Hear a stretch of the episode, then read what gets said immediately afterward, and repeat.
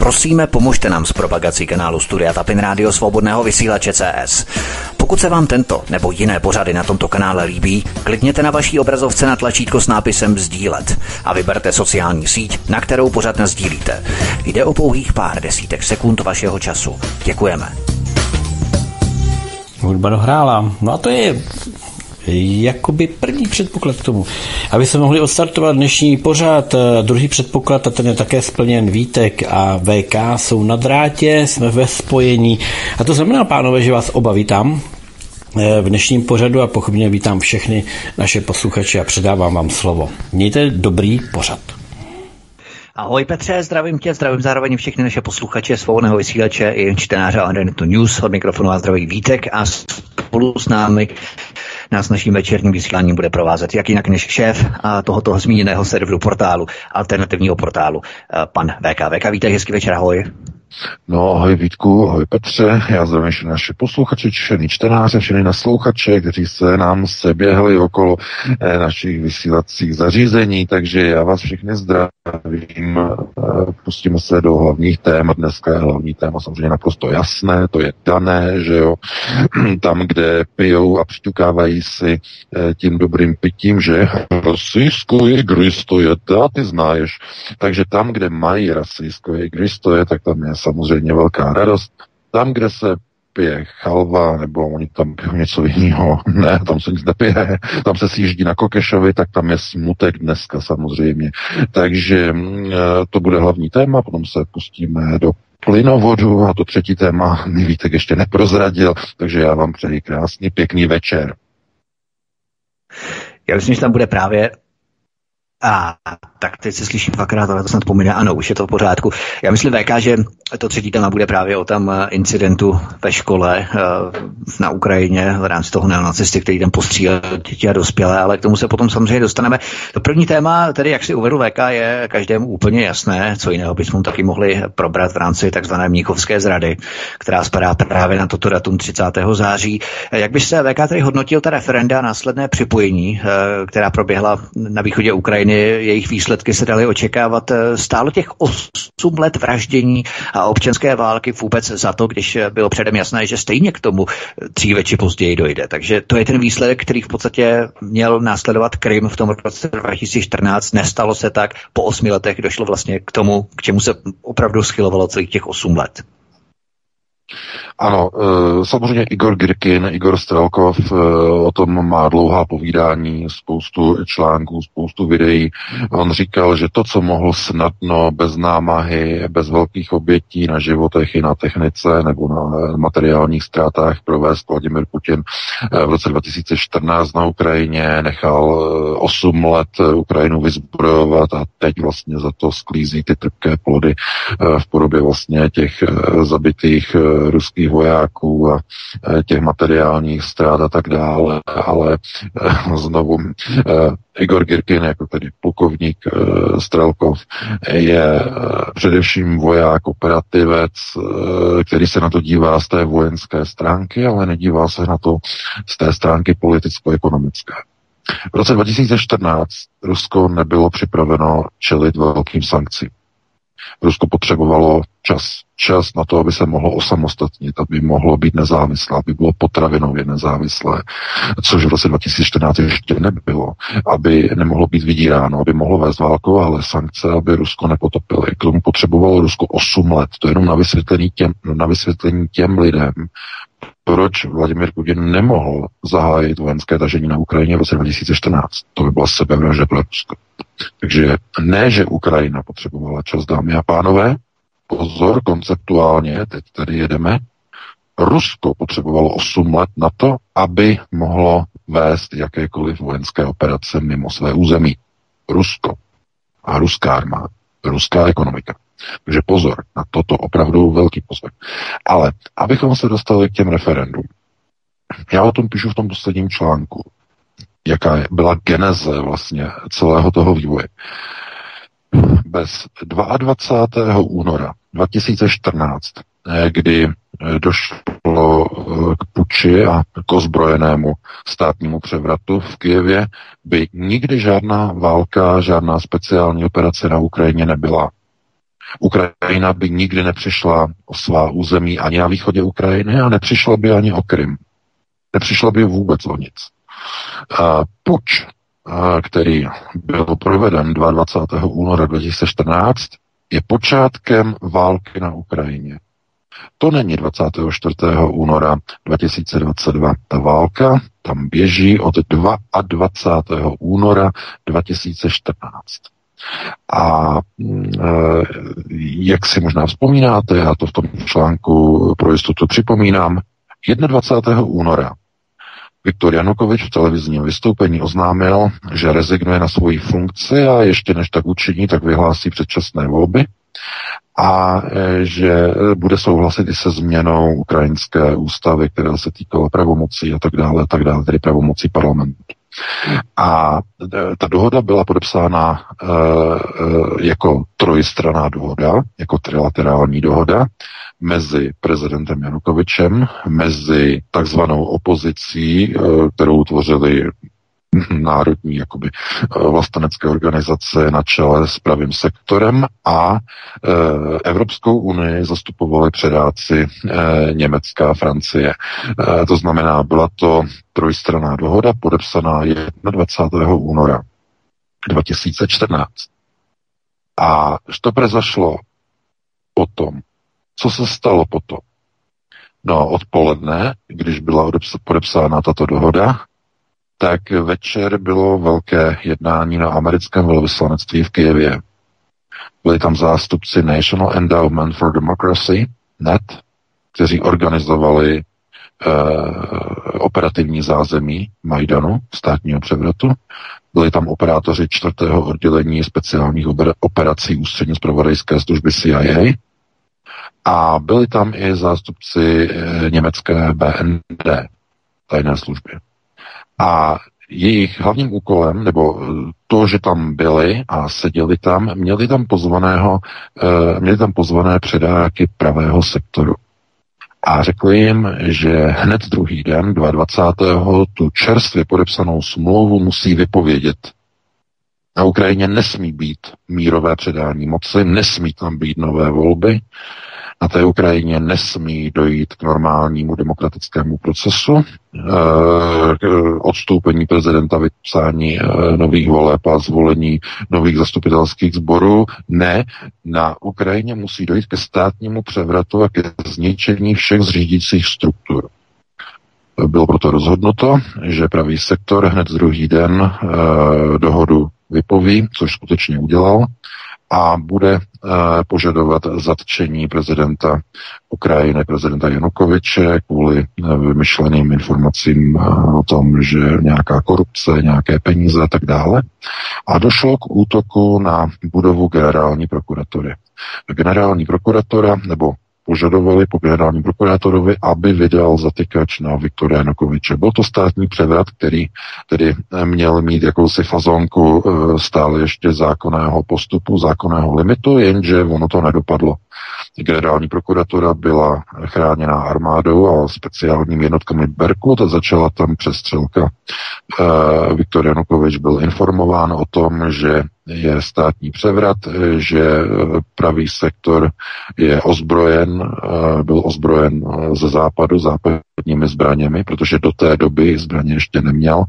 Byl vyzbrojen na Majdanu jenom několika lovickými puškami, ale toho 22. už byl vybavený západními zbraněmi.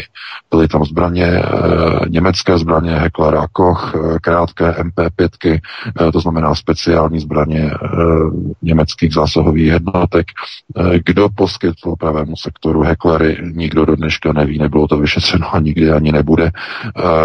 Uvažuje se, že to bylo právě na té americké ambasádě toho 21. večer, kdy BND předalo zbraně pravému sektoru. No a e, tak to vlastně vznikl státní převrat na Ukrajině. E, všechno bylo samozřejmě monitorováno z Moskvy a ve chvíli, kdy se začalo eh, v budově generální prokuratury střílet, eh, tak byl vydán povel a eh, ruský specnaz evakuoval z kijevského letiště Viktoria Janukoviče do exilu do Ruské federace. A toho 22. února tedy se ujala chunta, kijevská chunta moci nad Ukrajinou a od té doby a od té chvíle začala na Ukrajině občanská válka. Tento převrat totiž nikdy neuznali uh, takzvané ruské regiony, kde tedy regiony na východě Ukrajiny, na jihu Ukrajiny a na Krymu, kde je trtivě převažující ruskojazyčné etnikum, etničtí rusové, uh, pro které Viktor Janukovič byl jakýmsi uh, hlavním zastáncem tedy takového toho smíru na té Ukrajině, protože bránil tomu, aby se k moci dostávali různí extrémisté, různé pravé sektory, různé azovy, eh, nedovoloval těmto ozbrojeným skupinkám, aby se dostali třeba do ukrajinské armády. Azov se snažil dostat do eh, struktur ukrajinské armády už od roku 2005. Eh, předtím tomu bylo bráněno. Bylo nakonec až za Porošenka k tomu bylo přistoupeno. To znamená, tohleto jenom ukazovalo na to, že ta Ukrajina zkrátka od toho 22 února 2014 eh, eh, se dostala do občanské války. No a výsledkem té války občanské je i válka tedy se zahraniční intervencí a výsledkem je ostržení celkem pěti v této chvíli, již pěti oblastí Ukrajiny od e, tedy Kieva a připojení k Ruské federaci. Kromě Kieva Eh, teď byli vlastně dneska v Moskvě na slavnostním ceremoniálu v sále svatého Jiří v Kremlu eh, přistoupeny a přijati nebo přijaty čtyři nové oblasti do svazku s Ruskou federací, eh, Doněcká, Luhanská, Záporožská a Chersonská oblast. No a od této chvíle de facto se dá říct, že Rusko získalo pozemní spojení z Ruska na Krym, to znamená, už nepotřebuje žádný most, má zajištěné pozemní spojení. Rusko získalo úplně nové moře, Azovské moře dneska je obklopené pouze Ruskem, to znamená, asi dojde možná ke změně na Novoruské moře, se uvažuje o změnách názvu, eh, jak by se mohlo jmenovat. Eh, to znamená, to jsou jakoby postupy eh, toho, kdy krok za krokem de facto Rusko teď postupuje v těch liních a intencích, že když se 8 let nedařilo naplnit Minský protokol, tak zkrátka není politického a diplomatického řešení na té Ukrajině a e, to ruské etnické obyvatelstvo, které tam drtivě a majoritně zastoupeno a kterému bylo bráněno dokonce v používání jejich vlastního mateřského jazyka na základě čtyř ukrajinských zákonů přijatých e, v minulých letech. Jistě víte, to jsou zákony na zákaz používání ruštiny na Ukrajině e, na úřadech, ve školách, ve službách a v obchodním styku a v tisku. Ten tisk tam má pouze jednu nuanci, že eh, může být eh, periodikum, noviny, časopis nebo kniha vydána v ruštině pouze za předpokladu a za podmínky, že ve stejném objemu a ve stejném nákladu je kniha nejprve vydána v ukrajinštině což samozřejmě je likvidační pro vydavatele, kteří vydávají pouze v ruskojazyčných regionech, protože tu ukrajinskou mutaci tam nikdo kupovat nebude, takže to je zákon, který je namířený k likvidaci vydavatelů ruského tisku dámy a pánové. To je jenom na ukázku toho, co se děje na Ukrajině v zemi, kde 53% lidí mluví rusky. Teď pozor, mluvíme o ruštině, nemluvíme teď o suržiku. Suržik, to je taková ta slepenina Ukrajině. Na, na venkově, se jako na venkově, na Ukrajině se mluví. Ne?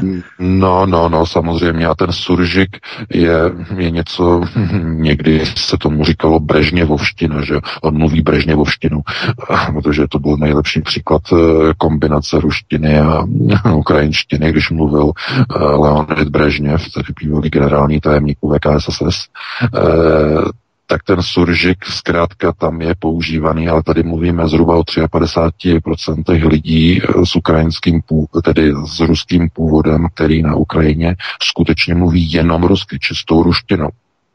Ten suržik se týká hlavně Ukrajinců. Rusové nemluví suržikem, to jenom Ukrajinci mluví suržikem. To je důležité si uvědomit.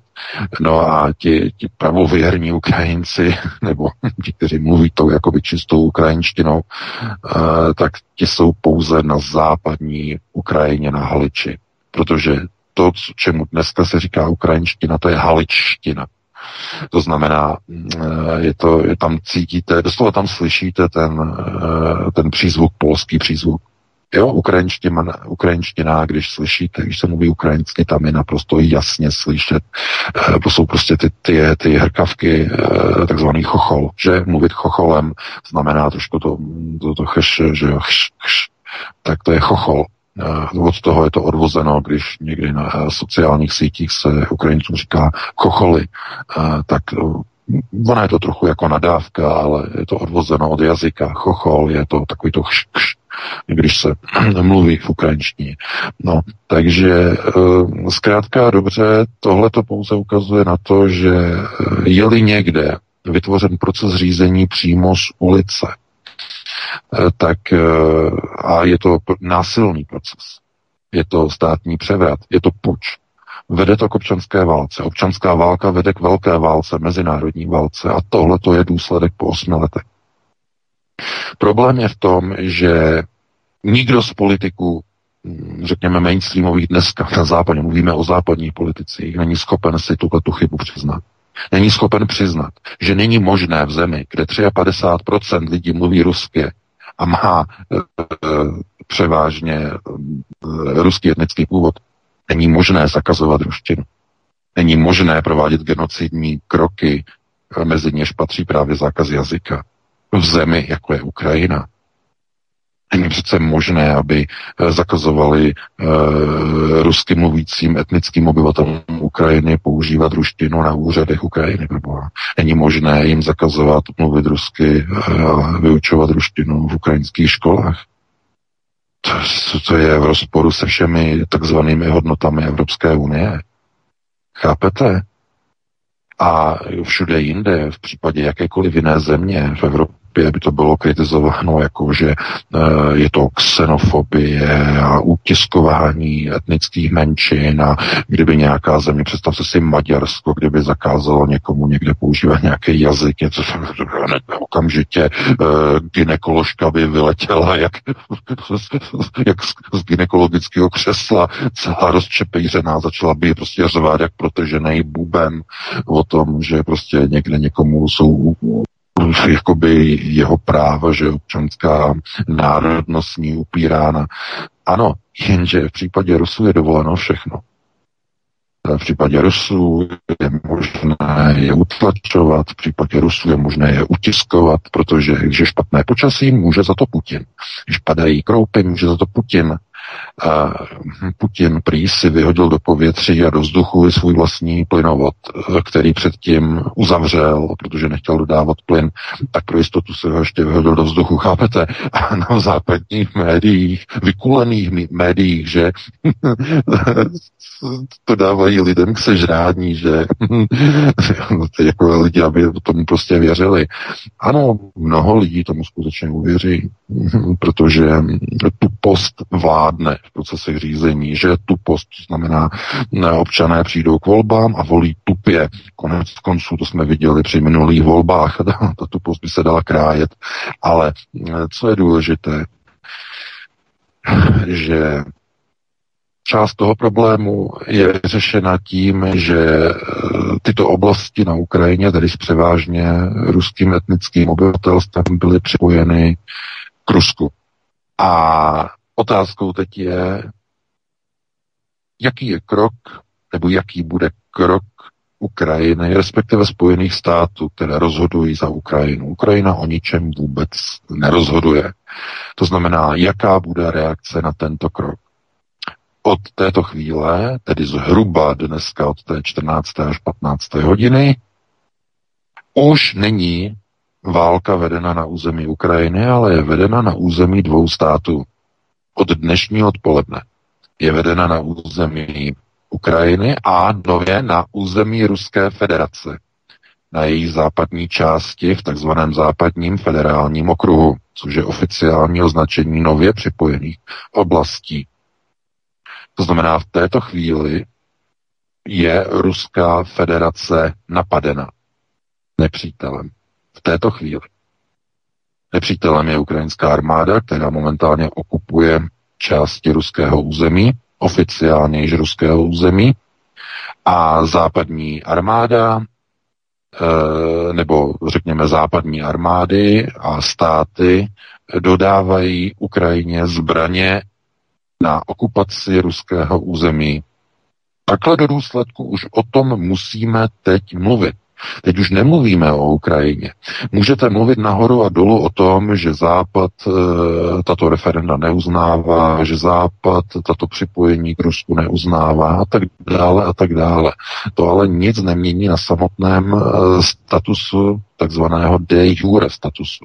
To znamená, z hlediska Ruska je to ruské území. Na to nezáleží na tom, jak se na to dívají američtí partneři, jak se e, na to dívají třeba v Evropské radě. E, to nikoho nezajímá. Otázkou teď je, jak se na to dívá Ruská federace a ta se na to dívá jako na své integrální vlastní území.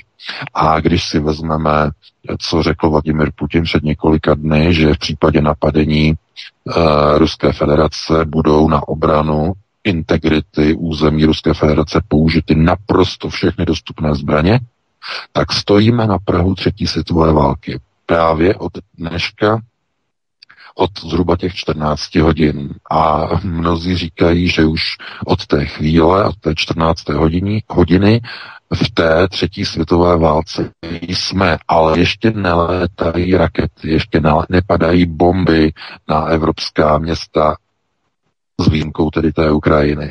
Ještě ne, zatím. Ale že už jsme ve třetí světové válce.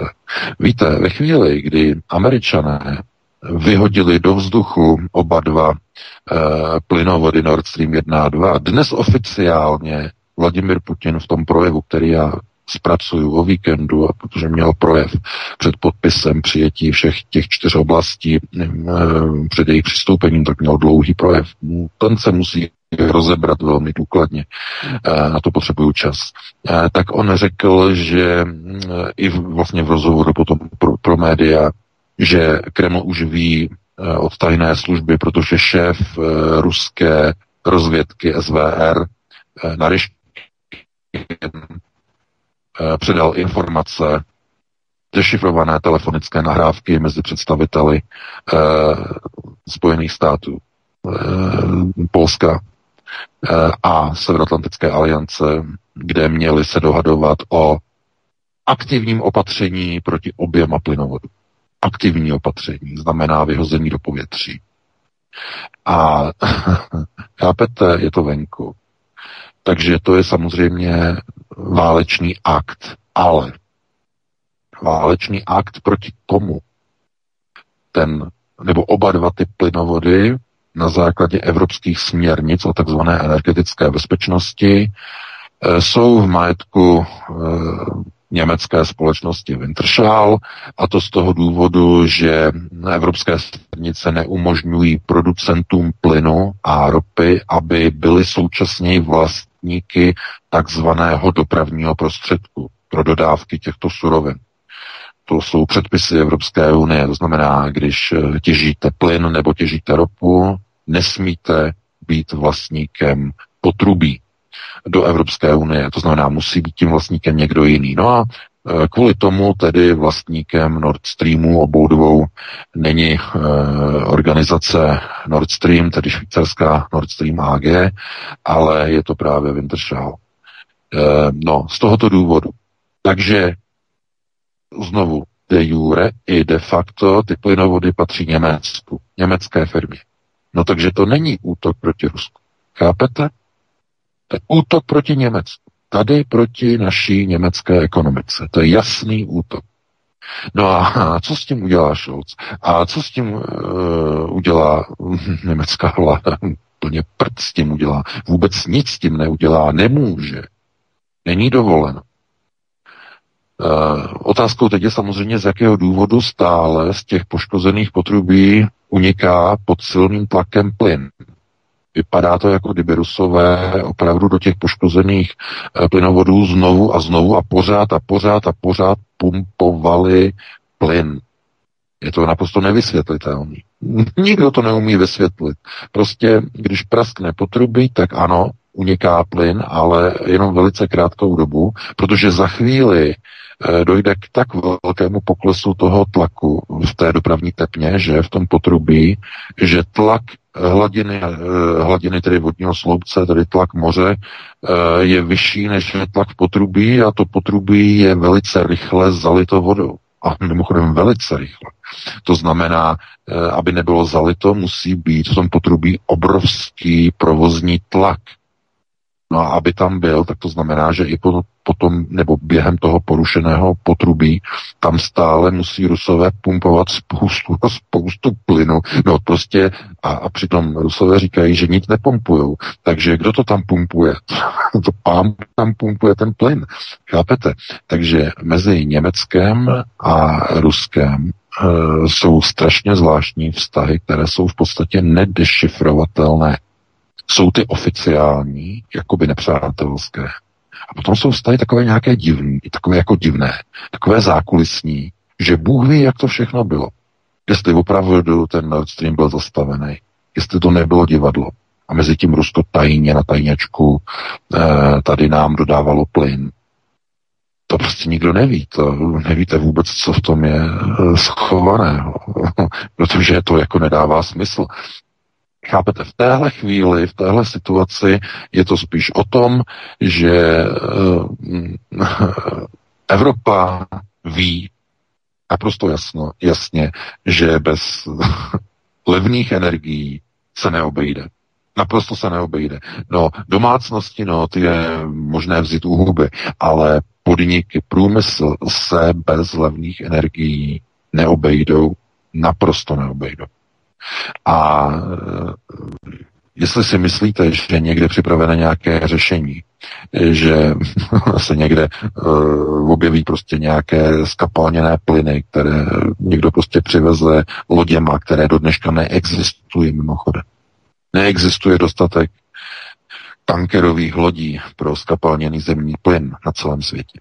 Je jich strašně málo bude trvat minimálně 15 let, než bude postavený dostatečný počet tankerů pro vožení nebo vození e, skapalněného zemního plynu ze světa e, do Evropy. Chápete? Takže co to znamená? Konceptuální otázka. Je tady, mluvíme tady o snaze nahradit levný ruský plyn jiným levným dostupným plynem a e, ruskou levnou ropu jinou dostupnou levnou e, ropou? Je někde takový tlak veden? Ne, není, dámy a pánové. Naopak. Evropská unie a globalisté chtějí tuhletu situaci využít k urychlení agendy 2030. K urychlení odchodu od všech typů fosilních paliv. A to, že to bude bolet, že budou lidi mrznout, to je nezajímá protože jsou to bestie. Ti globalisté se nedívají na lidi jako na, že musíme se ptát lidí, jak se na to budou dívat. Ne. Oni se dívají na to, to, co se jim líbilo. To znamená vyhlazování lidí, že jako dělal Pol Pot v Kambodži, který vyhladil přes milion lidí. Takže oni jsou, je to přitahuje, to znamená, oni jedou proces za snížením populace na této planetě. No a jak oni to chtějí udělat? No, mnoha, mnoha procesy. To znamená, kdo tedy bude uh, chtít jakoby přežít ten nový společenský řád, ten nový společenský systém, tak se bude muset přizpůsobit těm novým podmínkám nebude mít teplo, nebude mít elektřinu, když ji potřebuje, e, bude jí mít jenom nedostatek, bude mít příděly a tak dále, tak dále. Bude na tom režimu naprosto závislý. To znamená, e, nebude to řízeno volným trhem, jak bylo ještě do teďka a do nedávna, ale bude to řízeno úředníky, všemocnými úředníky, kteří budou v podstatě koordinováni takzvaným korporátem a hlavní, hlavním vrcholem korporátu, globálního korporátu, je samozřejmě komise 300. Její šéfka právě zemřela, že? Natáhla bačkůrky a bye bye. No, po ní nastoupil její syn, že? Princ Charles, který je teď Karlem třetím. No, takže pokud se na to díváte z toho pohledu, jako my si jdeme zvolit nějaké politiky a ti politici za nás vyřeší problém, ne, nevyřeší problém. Jejich úkolem není řešit vaše problémy, jejich úkolem je plnit zadání komise 300. Zcela plnit zadání. To znamená naplňování agendy 2030. E, eh, možná jste slyšeli o e, nové směrnici, nové direktivě Evropské komise, se jmenuje RED 3. RED 3. To znamená rudá 3, nebo červená 3. Co to je? No to je akční plán Evropské komise RED 1, 2, 3 na snižování emisí. Všeho možného. Hlavně tedy uhlíku a dusíku. A ta trojka, to je ta nová směrnice, která je teprve v přípravě, by měla dát na seznam nežádoucích energetických vstupů to znamená, kromě ropy a zemního plynu jako, jako fuj fuj, jako nežádoucího fosilního paliva, dokonce i biomasu, dámy a pánové. No jo, tak znovu to tady máme, že jo, biomasa, e, že, e, že jo, bývalá politička, že strany zelených, kačka jau jau, jak ona se jmenovala Vítku?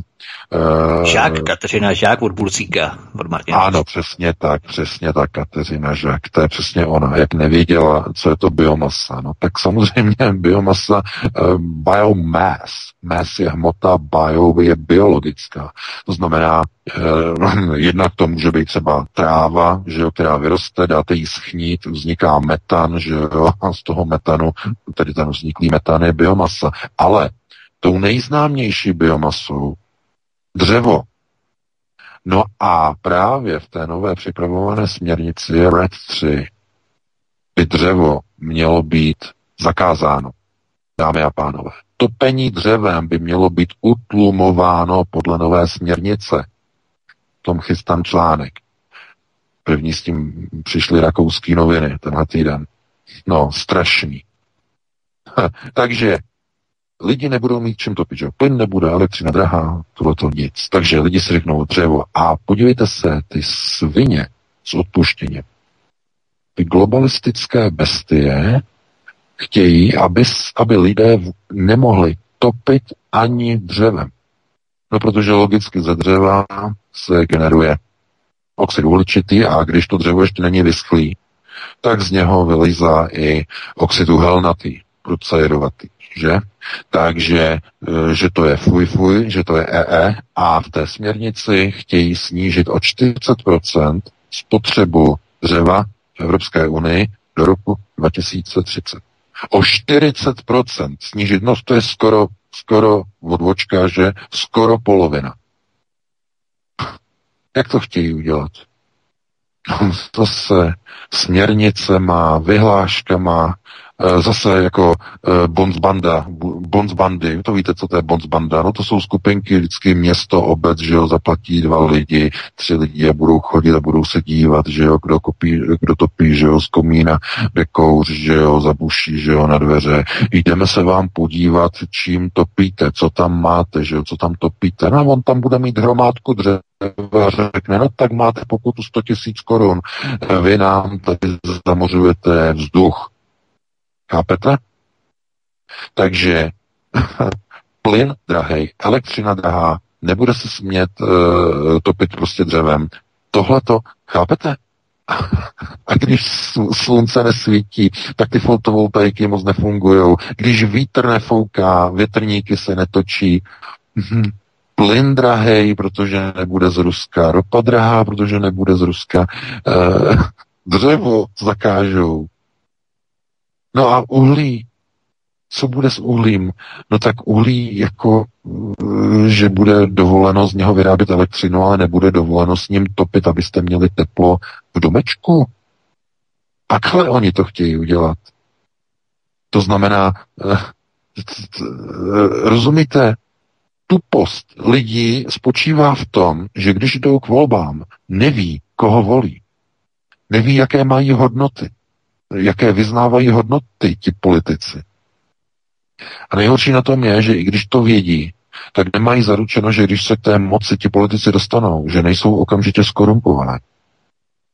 A když ne okamžitě, tak s nějakým časovým odstupem, třeba po dvou měsících, po třech měsících, po čtyřech měsících. Hele, zvedni ruku pro novou směrnici. Hele, zvedni ruku pro nový zákon, který lidem zakáže topit dřevem eh, v daných hodinách. Od do, tam a tam na těch místech. No a ten člověk, když je skorumpovaný, že jo, tak prostě do toho zvedne ruku. I potom si kontrolujete ty hlasy, jak hlasují ti takzvaní vlastenci. A to byste se pozvraceli, byste museli mít igelitový sáček neustále obrovskou zásobu igelitových sáčků zvracet. Jeden po druhý naplňujete prostě, jak zvracíte, jenom si kontrolujete ty svodky, ty výstupy z hlasování různých SPD a dalších, že se vám z toho zvedá prostě žaludek, to není možné, oni si dělají z toho úplně legraci a teď ještě jenom velkým obloukem přeskočím e, zase tam k ním, že jo, na Slovensko, protože tam se ukázalo včera, nebo předevčírem, hmm, myslím, že včera hlasovali o přijetí jejich, e, že jo, Bundestag, který tam mají, nebo oni nemají Bundestag, oni mají tu, um, tu, tu radu, že, Národní radu, tak hlasovali o, mm, o přijetí Finska a Švédska do NATO. Představte si. To je odbočka, ale strašná, děsivá. Z toho prostě vám spadnou hodiny ze zdi. Minimálně tedy našim slovenským posluchačům. Těm už dávno spadli, oni už o tom vědí. Celý, celá strana Smer Roberta Fica s výjimkou pana Bláhy a ještě druhého poslance, kteří si odskočili na záchod a nehlasovali, tak včetně Roberta Fica hlasovali pro vstup takzvaně pro vstup uh, Finska a Švédska do NATO. Chápete? to, nebere, to nebere hlava, to nebere rozum. Tohle to, uh, já nevím, jestli Robert Fico si uvědomuje, jaký signál to vysílá, že si dělá z lidí blázny, slova s odpuštěním prdel, ale mm, tohle to nemůže dělat, protože ztratí okamžitě veškerou důvěru. To, to nemůže, nemůže přece brojit proti Severoatlantické aliance a zároveň hlasovat pro její rozšíření k ruským hranicím. Pro boha Roberte, co to děláš? To nemůžeš. To ti mám radit. jako sorry, jako, ale chápete, ti politici jsou buď vydíraní někým, anebo jsou úplně tupí s opuštěním. Ale opravdu tohleto jenom ukazuje na to, že SPD se aspoň jakoby, jakoby zdržela. Jo? SPD se třeba jako zdrží. Aspoň teda tam je trošku ta konceptuální snaha o konceptuálnost, abych tak řekl. Ale ne. Smer hlasuje pro. A to je prostě, to je k popukání. Kdyby to nebylo tragické a nebylo to k pláči, dámy a pánové. Takže u nich na Slovensku velký špatný. Tohle to není normální. Minimálně velký špatný pro alternativu. A e, já se tedy zase z toho oblouku vrátím zpátky, e, Vítku, protože máme 2034, musíme to e, tady to první tam jakoby ukočírovat a aby se nám moc e, nerozlítlo jako takový to macatý rozčepejřený chucpe a musíme se vrátit zpátky k dalšímu tématu, takže já ti předávám slovo. No, VK, ty si trošku smíchal do toho ten plynovod, já už se tě na to ptát nebudu, protože ta témata jsme víceméně pokryli v eh, tom prvním vstupu, takže myslím, že tu půl hodinu, která nám zbývá do té 21. hodiny, využijeme na další téma. A eh, ten plynovod v podstatě jsme skombinovali eh, s tím prvním tématem. Já se tě zeptám na téma kolem toho, jak by shodnotil tragický incident, který proběhl na ukrajinské škole, ve které neonacistický útočník postřílel děti i dospělé. Svědčí tohle o vymývání mozku mladé generaci nacistickou politikou na Ukrajině, protože podobná střílení můžeme vidět poměrně často i v amerických školách nebo na, na amerických školách. Takže ale tohle mělo úplně jiné, řekněme, konotace nebo jiné, jiné okolnosti. Takhle. Ruská neonacistická scéna je velice, je velice aktivní. Jo? V Rusku samozřejmě, že tam se to snaží jako FSB mít všechno pod kontrolou, že jo, to všechno potírat, že jo, ty buníky prostě rozpouštět a tak dále. Ale v Rusku je pátá kolona, velice silná, Eh, prozápadní a eh, právě v té koloně eh, je silná neonacistická základna.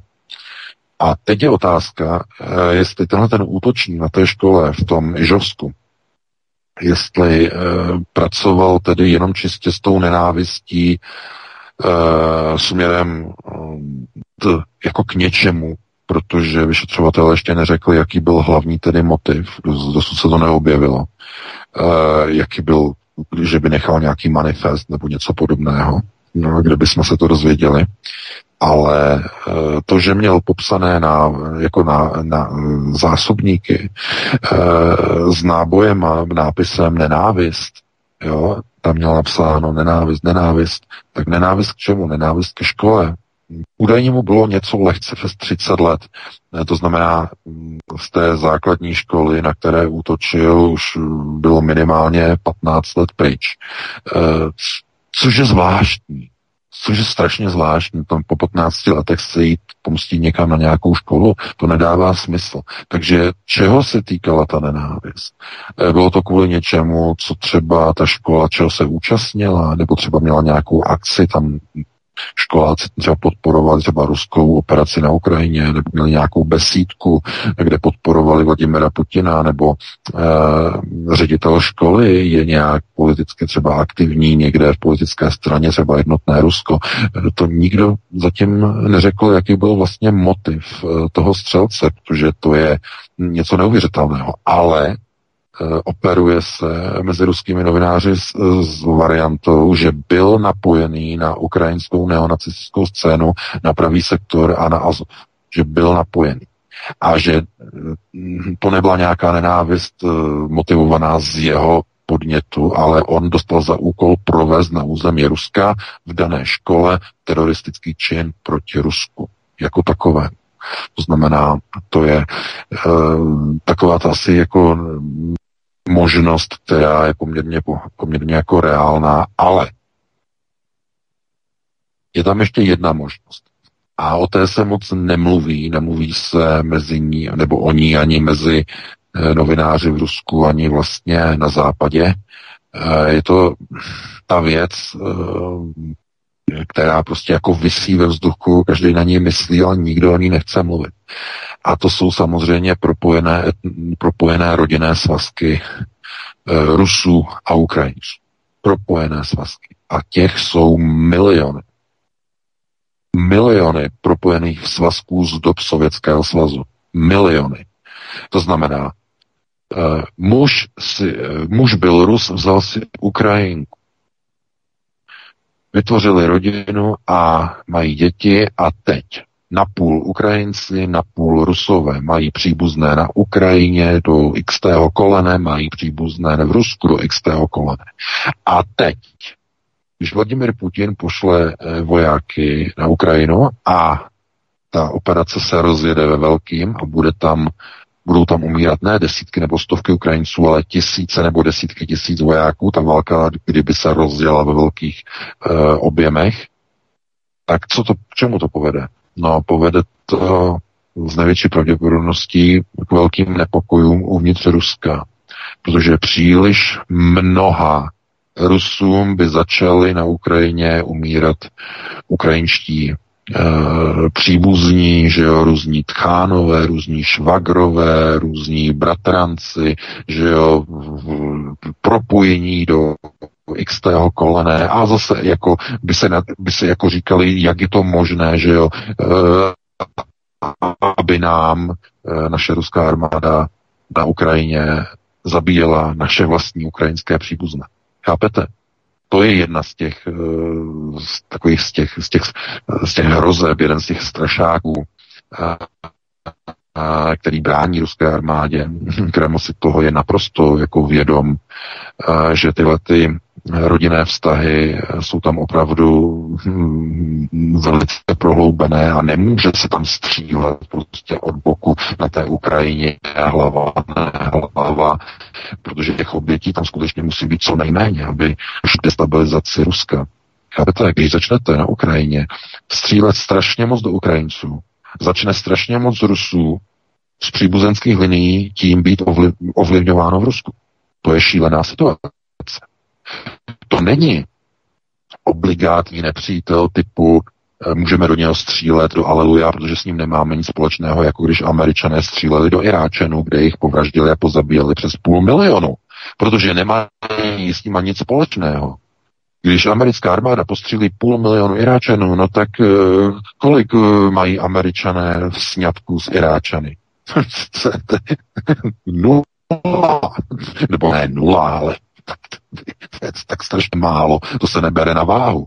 Jenže když tohleto začnou dělat Rusové na Ukrajině a postřílí tam e, v nějaké velké operaci, že jo, 10 tisíc Ukrajinců, tak 2000 nebo 3000 z nich mají třeba ruské příbuzné.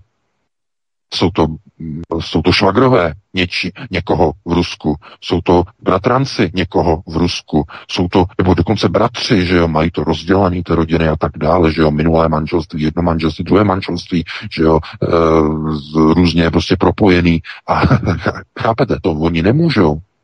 Takže se neděvte tomu, že ta, že ta operace na Ukrajině vypadá tak divně, tak, tak podivně. válka, neválka, operace, neoperace, eh, protože tam zkrátka se nedá střílet způsobem, jako stříleli američané v Iráku nebo, nebo všech dalších válkách, které vedly. To je ten hlavní důvod, to znamená příbuzenské vztahy, příbuzenské svazky. To je ten hlavní důvod a je velmi pravděpodobné, velmi možné, že tenhle ten útočník e, přišel na Ukrajině o nějakého příbuzného o někoho a je ticho po pěšině.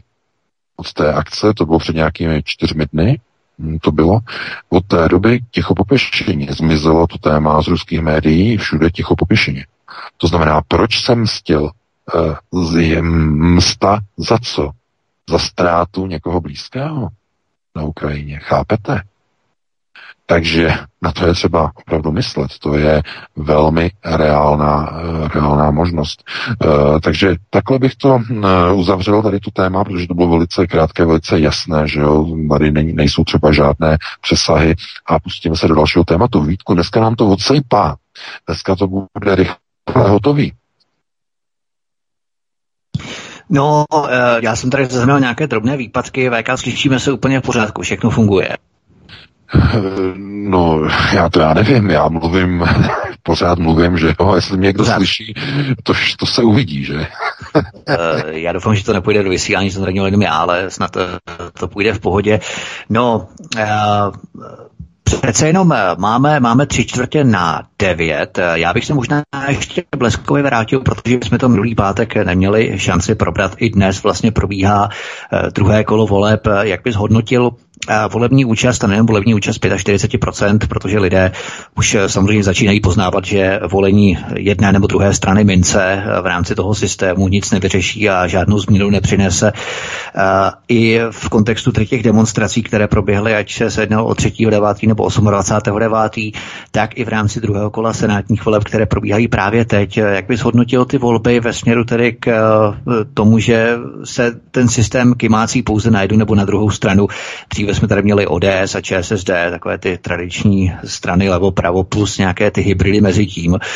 Eh, dnes eh, tady máme ano, Andreje Babiše, anebo právě tu pěti demolici, takže ty systémové váhy se vychlují na jednu nebo na druhou stranu, v podstatě pořád to stejné, tak eh, máš k tomu nějaký komentář, jak bys hodnotil třeba i ty komunální no, volby, anebo jeden senát? Eh, podívejte se, jak skončilo první kolo těch voleb minulý týden, tak eh, minister průmyslu a obchodu, pan Síkela, eh, řekl, vypustil tu, tu jobovku, že s tou kompenzací a se zastropováním cen energii a elektřiny v České republice to bude trochu jinak. Eh, že nebude kompenzováno všechno, ale jenom nějaká spotřeba, jenom do nějaké určité míry spotřeby. Eh, a oni odmítají říct, kolik to bude. to znamená, že kolik to bude? Bude to spotřeba domácnosti, která v průměru činí eh, v České republice podle informací zhruba 3 MWh v normální domácnosti, která ovšem netopí elektřinu pokud někdo má elektrické vytápění, tak se do 3 MW nevejde. A jestli to vůbec bude 3 MW, že za rok, eh, ten limit, který bude zastropovaný, jestli to nebude třeba jenom 2, nebo jenom jeden a půl, podle toho, jak bude vypadat ekonomická situace. Každopádně Fialová vláda úplně zešílela, protože se ukazuje, že ani těch 200 miliard eh, na to nebude stačit, že se to spíš blíží 300 miliardám, to stropování. To je ta nová informace a to je, eh, jak to, a to, to se týká jenom stropování za tenhle rok, jenom tento rok. A co příští rok? To, ten příští rok eh, se to bude stropovat taky zase dál a dál. To znamená, to přece není řešení. Řešením je uh, převést eh, veškeré výrobce energie, to znamená veškeré elektrárny, výrobce energie, do rukou státu. S výjimkou těch, které si soukromé společnosti někde postavili. Já ani nevím o nějaké elektrárně, eh, která by tam byla v Česku, která by byla postavená po roce 89 eh, soukromým nákladem nějaké investiční skupiny. Jestli se mýlím, tak eh, mě když tak doplňte, ale mám takový pocit, že nic takového tam postaveno nebylo. To znamená, všechny ty elektrárny, které tam u vás stojí, byly postaveny rukama občanů, že jo, před rokem 89 rukama našich otců, e, že jo, všechny ty Slabská přehrada, tady ty vodní elektrárny, že jo, eh, všechny možné e, jaderné elektrárny a tak dále. To znamená rukama občanů. A po roce 89 přišlo nosaté právo a k čemu došlo? V rámci transformace že se musí všechno prodat. Nic nesmí zůstat ve státních rukách. Všechno se musí prodat soukromým společnostem. No, soukromé společnosti to mají a teď pěkně zdírají všechny české obyvatele z kůže. Protože všechno bylo prodáno do soukromých rukou. Že? No a přesně tohleto měla udělat Ukrajina v rámci asociační dohody a protože Janukovič e, na podzim v roce 2013 odmítl podepsat právě kvůli e, podmínce, že Ukrajina musí začít privatizovat svoji infrastrukturu, především e, elektrárny, především státní byty, že jo, aby tam byly komerční nájmy a tak dále. Janukovič se zhrozil a odmítl asociační smlouvu podepsat a kvůli tomu vznikl ten Majdan a tak dále. To máte v tom posledním článku na Aeronetu tu prvotní příčinu těch demonstrací, které začaly vlastně už na podzim 2013 na Majdanu. To, to ten důvod. To znamená, i tehdy vlastně to nosaté právo zapříčinilo uh, ten Majdan. To znamená, oni chtěli, aby prostě stát nedisponoval vůbec ničím. Tohle to dělají globalisté. Tohle to oni dělají. Přesně takhle to dělá Dumsian. To znamená lidi, aby jenom dřeli těmi ústy v zemi, že jo, jenom dřeli a aby jenom platili, platili, platili a pracovali až do hrobu, až do toho penálu, do té rakve, aby neměli žádné důchody, jenom dřeli a dřeli. A co je to za život? Jaký je to život? Kontrolní otázka? No to je otročina. To je otroctví. A pokud někdo to nazývá jako vyspělou společnost, no tak je trochu, to je trochu mimo. Že? To znamená, to samé platí o eh, všech vlastně výrobcích energií v České republice. To znamená, ty elektrárny byly postaveny za komunistů za peníze lidu, rukama lidu. A měly by eh, tedy ty produkty, které ty elektrárny vyrábějí, to znamená kilowaty, by měly být zalacino poskytovány občanům České republiky, protože ty elektrárny přece nebyly postaveny pro cizáky, aby se na tom namastili a potom vás ještě zdírali z kůže po 30 letech. Nebo to tak bylo udělané, že komunisté stavili elektrárny, aby je potom kapitalisté měli v rukách a potom zdírali občany z kůže. Pro boha, tak to nebylo přece udělané. Musí se to dostat zpátky do rukou lidu. Znovu. Jinak to nejde, jinak se lidi budou mít špatně, budou se mít hůř a hůř. Zrovna jsem e, dostal do redakce, že jo, e, článek, e, že jo, nemám často všechno pročítat, ale o tom, jak rostou ceny prostě nájmů v Praze, tak samozřejmě, když celou Prahu nemovitosti mají izraelské e, realitky, všechno je prodaný dopředu, ještě ani nebylo kopnuto do země a už je to všechno prodaný, všechno e, investičním fondům z Izraele, no tak samozřejmě, na kdo to tam kontroluje v Praze? No, no že jo, Praha sobě, nebo žít Praha, jak se to jmenuje, e, ti, ti co tam mají teď pod kontrolou, e, ti kamarádi e, s, se sudeckýma Němcema, e, s Vitykobudem.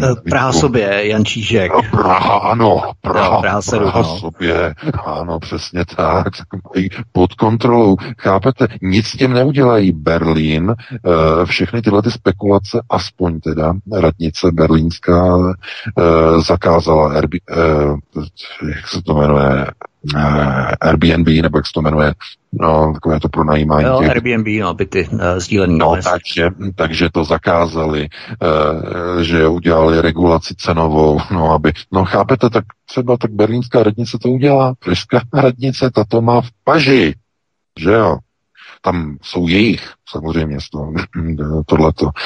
Takže to je zkrátka jenom ukázka toho, že elektrické energie a všechno tohleto. Plyn si Česká republika nenatěží, že jo? Tak ten musí získávat samozřejmě od Ruska, eh, když eh, jsou u moci normální politici. Když tam máte politiky, které tam máte, no tak od Ruska za, za to nebude, budou, bude to plyn, eh, který bude někde z druhé strany světa, přivezený a nemáte ani jistotu, že to zase nebude ruské, jenom přeceněný a přenálepkovaný, ale za strašné peníze. A nebo ho nebude dostatek a nebudete ho mít vůbec. Takže hm, to je podle toho, že jo. A kdo to rozhoduje? No politici. A lidi, eh, když jsou v takovéhle situaci, měli být k volbám a volit někoho, kdo znovu dohodne ty plynové lev- levné ruské kontrakty. A když jsou volby, jak to dopadne? Jak to dopadne? Kontrolní otázka. Lidi jsou úplně jako tupí a volí eh, hnutí ANO, které je mm, za dodávky zbraní na Ukrajinu, které je, je proti Rusku, je proti plynu, eh, volí mm, že jo, eh, pěti demolici, no a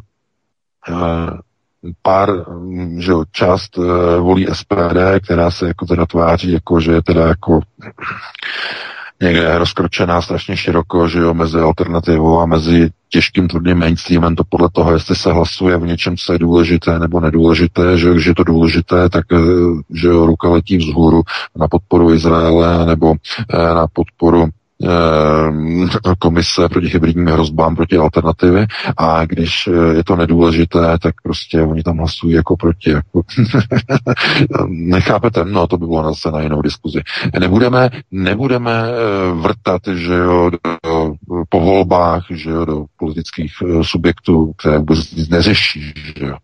To, co nám řeší situaci, tak to, byly, to byla demonstrace, velká demonstrace, že jo, já bych pozdravil Láďu Vrábela, e, touto cestou se jim to moc povedlo, měli zase e, velkou demonstraci, no byla trošku menší, bylo to méně lidí e, a bylo to méně než 100 tisíc tentokrát, ale pořád to podle Voka to mohlo být takových 50 tisíc, to mohlo být.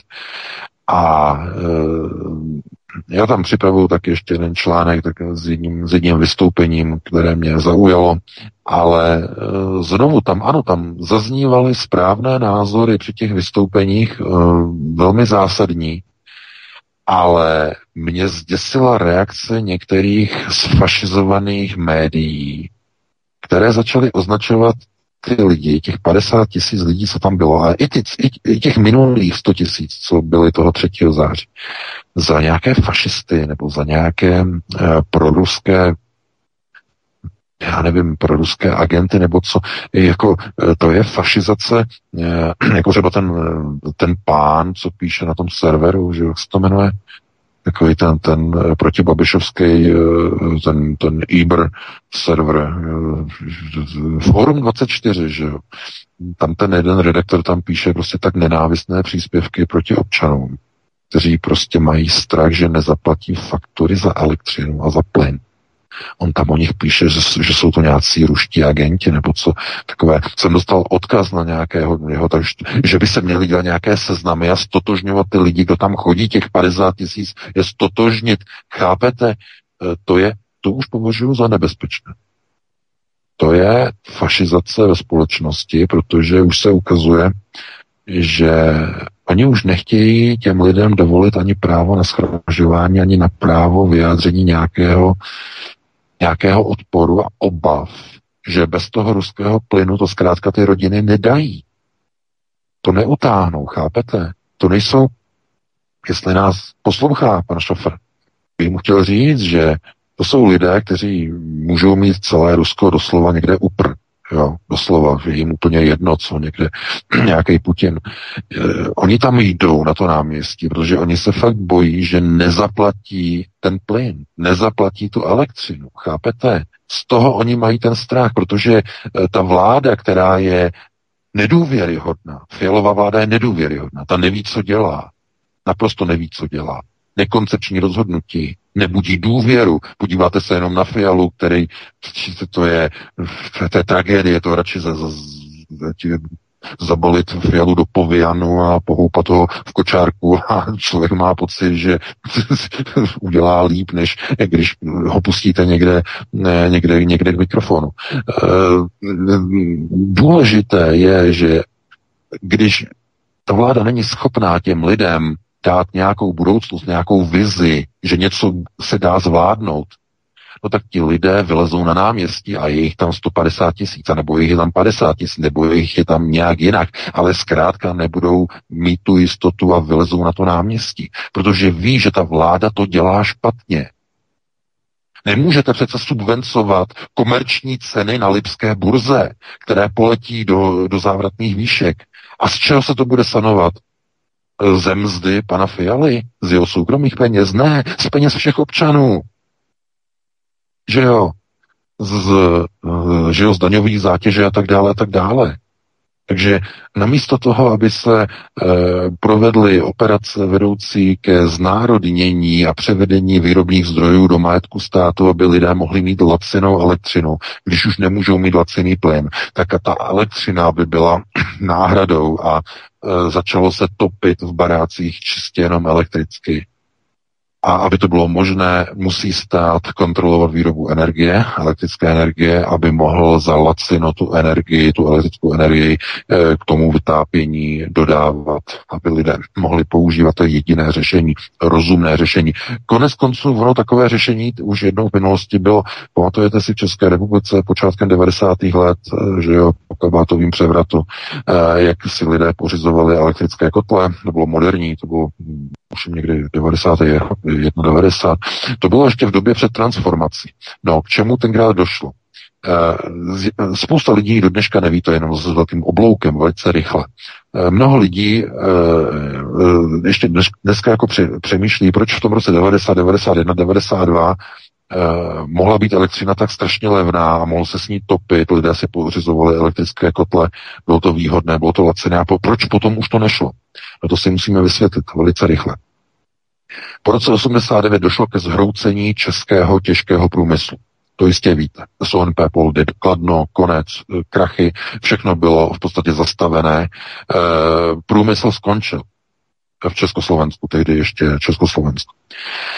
A když skončil průmysl, tak došlo k jednomu jevu nebylo v těch eh, postavených komunistických elektrárnách komu dodávat elektřinu a nebylo možné ty elektrárny zastavit. Takže komu pro boha prodávat uh, tu mohutnou obrovskou energii, která, kterou najednou zkrachovalé podniky po roce 90 už neodebírali. No, jedině najít nový způsob spotřeby té elektřiny. A to byly právě elektrické kotle. Takže proto tom 90., 91., 92. ještě eh, všude byly tlačený prostě elektrické kotle, že jo, aby prostě zkrátka pro tu nevyužitou spotřebu Eh, kterou už tedy průmysl nepotřeboval, který ten byl zničený, byl rozkradený v té době, eh, roztunelovaný, tak aby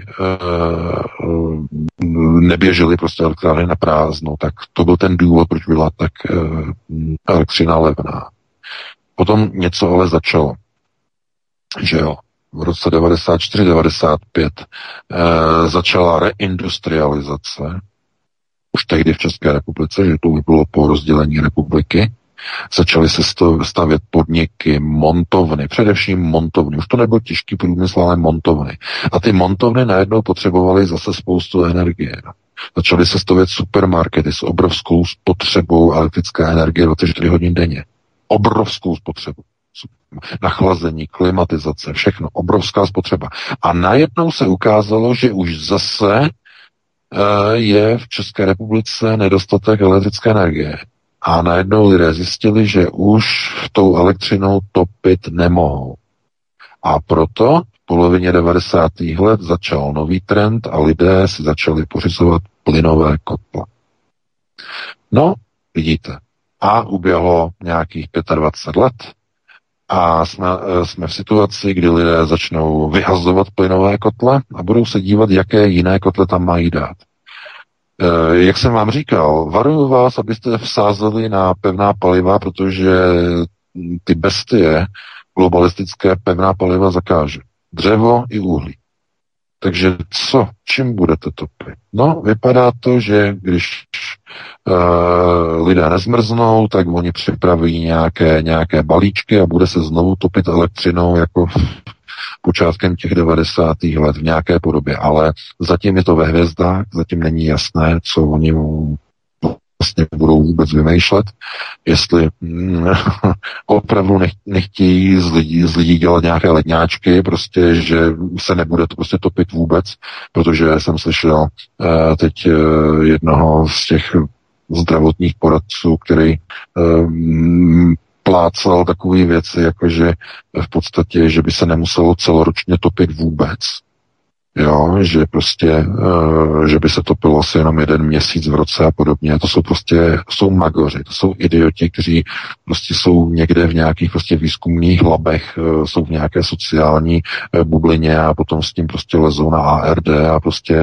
věší tohleto Němcům tady takovýhle sračky na nos. Kápete? Ale t- jenom to, že o tom mluví, to znamená, že oni globalisté nehledají víc plynu. Oni hledají, jak e, mít víc pendreků proti případným nespokojeným lidem a demonstracím. Lidí, kterým je zima, dámy a pánové. Nepodceňujte to. Oni opravdu nehledají řešení plynové krize. Oni hledají cestu, jak urychlit agendu 2030. To znamená odchod od veškerých, naprosto veškerých fosilních paliv. Takže takhle bych to ukončil. Vítku, eh, já zase vlezu do ledničky, že jo, ty dáš nějakou přestávku, Petr tam najde nějaký pěkný písničky a po sedmi minutách zhruba tak plus minus se vrátíme a pustíme se do našich uh, lidí, co tam vysí na těch telefonech. No vidíš, ty už ani netopíš a ještě k tomu lezeš do ledničky, no to si teda dopad. Každopádně, no, no, každopádně, Každopádně ještě tady dvě poznámky mám, velmi stručně, velmi krátké, ohledně těch demonstrací. Na Václavském náměstí sice ano, bylo 50 zhruba tisíc lidí, až 70 tisíc lidí, bylo jich tam méně, ale když k tomu připočteme ty ostatní lidi, kteří se schromáždili v dalších městech, jako bylo Brno, a Liberec a další, další města, tak v podstatě to vyjde plus minus na stejno jako koncentrované na místě 3. září, to je první poznámka. A druhá poznámka, eh, my tady historicky máme, a to jste si možná milí posluchači neuvědomili, eh, ještě více ruských agentů než v samotné Ruské federaci, protože na jednom místě z 10 milionů mít 100 tisíc ruských agentů, to už je tedy něco. Zahrajeme si písničku a potom půjdeme na vaše otázky, milí posluchači. Hezký večer, příjemný poslech.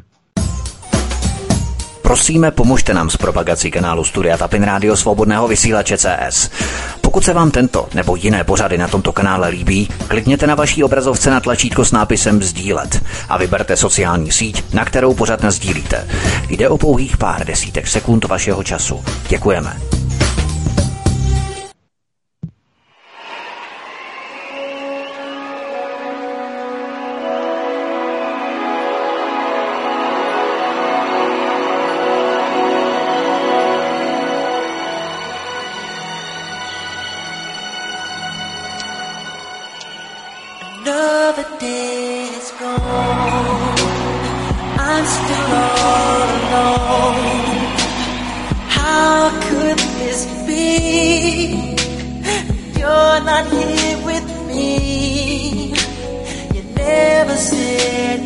sky.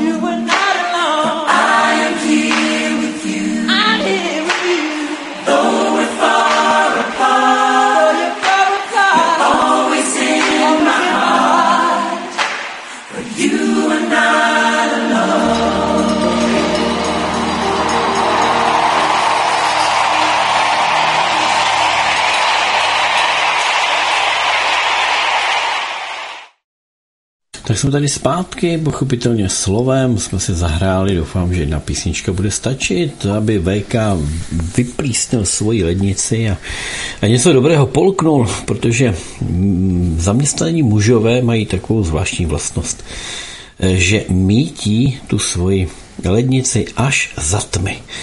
Eh, já se jenom zeptám, eh, Vítku, jste připraveni, jste nachystaní? Já jsem tady, Petře, ty říkáš za tmy, ale ono ta letnice vždycky svítí, když ji otevřeš. Já nevím, čím to je, ale pořád svítí, ale eh, nejenom tedy pod mě, ale v rámci těch čelistí, protože já měl tady problém s těmi svými čelistmi zpracovat velmi rychle tak, protože už končila písnička, tak jsem běžel z té kuchyně taky a měl jsem docela problém to rozkousat a spolknout právě, než jsem tady musel mluvit, eh, než jsem mě vyzval. Takže díky, že jsi ještě chvilku mluvil. Hele, znám to, znám to přesně tohleto. Eh, většinou host mi udělá to, že jak je jindy rozvláčný, tak zrovna teď je stručný. Jo? Já to nejsem schopen dožvíkat. Takže já jenom připomenu telefonní číslo, na které můžete volat pochopitelně svoje dotazy. Poprosíme vás jenom o jednu otázku, pokud možno se nejvíc stručně, aby se dostalo na co největší množství z vás, kteří jste pochopitelně dnes naladěni volat. Telefonní číslo 774 139 044. 774 139 044 je na tomto telefonním čísle, pochopitelně očekáváme vaše dotazy. Máme pochopitelně už čekající, máme už čekajícího eh, jednoho z vás, posluchače, a já se jenom zeptám, VK, eh, jsi přítomen? VK ještě není. Agenti na nás čekají, agenti nás poslouchají. No, no, v Německu, telefonují. víš co, Vítku, v Německu je problém, protože tam a. už ty ledničky do, skoro dosvítily, takže ono tam asi bude tma. Víš? Možná se jim rozsvítilo spíš, to bude to něco jiného, pokud samozřejmě nás poslouchají, ale nerozumí bohužel, protože my mluvíme česky a oni česky neumí, takže nevím, eh, každopádně nějaký pan Vondracek, jako bylo v Rakousku eh, dříve, tam jsou ta příjmení těch Čechů, kteří v Rakousku mají dědu a nebo další příbuzné v Česku, tak to už tam není. Každopádně je to, je to právě problém. Já si myslím, že nám bude volat spoustu agentů, takže doufáme, že VK se vynoří, aby nám agenti mohli začít volat. Jsem se vynořil, volnička prázdná, že jo, no. vyluxovaná, no, tak se pustíme do prvního volajícího. Tak to bych vyplísnil manželku, že ani nic nestihla nakoupit VK, to už je katastrofa. Eh, jo. Vítku, já bych možná se zaměřil na to, kdo vyplísnil tu ledničku, jako rozumíš. No, no nic, ale nikdo před VK, protože VK už přišel po funuse. ano, ano. se do prvního do prvního oběšené. tak. Ledničce byl jakýsi přeskokan. Tak pojďme, máme tady prvního našeho posluchače, tak odstartujeme všechny ty dotazy a otázky. Prosím, stručně jednu otázku. Dobrý večer, jste ve vysílání, položte tedy stručně otázku. Dobrý večer, zdravím všechny ve studiu, Jirka Hostivář. Eh, máme královnu po smrti, a nový král ještě nebyl korunovaný. Je tady jakési okno příležitostí, jak říkají někteří konspirátoři a prej spousta lidí, teda spousta států chce vystoupit z Commonwealthu. To je jako otázka. A jinak jako mě pobavila paní poslankyně Bundestagu na začátku týdne, když říkala, že Němci jsou chytří, víc než před 80 lety. Nechodějí brznout ke Stalingradu, ale prej zbrznou sami doma. Díky za odpověď. Na skle. No, já děkuji za dotaz. Eh, no, samozřejmě, že o tom je de facto eh, všechno to, co se tím momentálně děje. To znamená, kde se bude mrznout, kdo bude mrznout, za kolik se bude mrznout a eh, hlavně proč se bude mrznout. Protože když se podíváte na Baltské moře, ze kterého nějakých záhadných důvodů pánu bohu do oken unikají obrovské statisíce metrů krychlových plynů e, z poškozených a e, že jo, do povětří, nebo spíš do povodí vyhozených plynovodů, tak to bude hodně depresivní. Hodně depresivní. A, um, takže, no, co se týče eh, královny, um, že chtějí prostě některé státy Commonwealthu z Commonwealthu vystoupit. Uh, podívejte se, to je všechno o eh, úpadku britské koruny, britské monarchie. To se táhne už desítky a desítky let. Uh, Královna měla nějaký status, že ona jako šéfka komise 300, eh, jakožto tedy eh, velice věkově stará královna, tak měla určité renomé, že jo.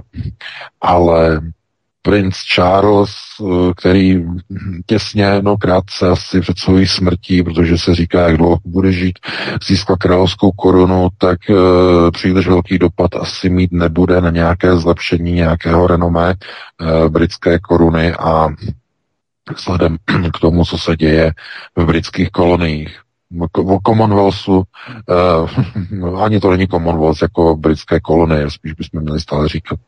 Uh, tak se podívejte na britskou kolonii, na Austrálii, co se tam děje. Ztráta lidských práv, omezování lidských práv, teror, neonacistický teror, který z, zaplavil celou Austrálii kvůli, eh, kvůli vakcinační agendě, že?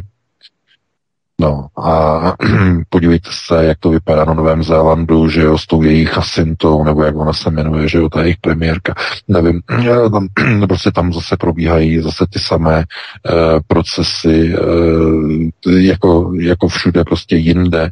V Kanadě že jo, jedna vlastně největší uh, země Commonwealthu, pokud nepočítáme Austrálii jako kontinent, uh, tak stát Kanada uh, tak se podívejte, co tam mají za teror obyčejných lidí kvůli zase vakcinační agendě, jak tam mají uh, premiéra, uh, že jo, toho jejich šamponka uh, Trudeau, uh, který jim tam terorizuje uh, obyvatelstvo, chápete? Uh, to znamená, kde ten Commonwealth jako má nějaké nějaké základy, že by měl někde prostě takovou tu normalitu, že by se zachoval. Ne, ne, ne, ne, ne, ne, ne, ne.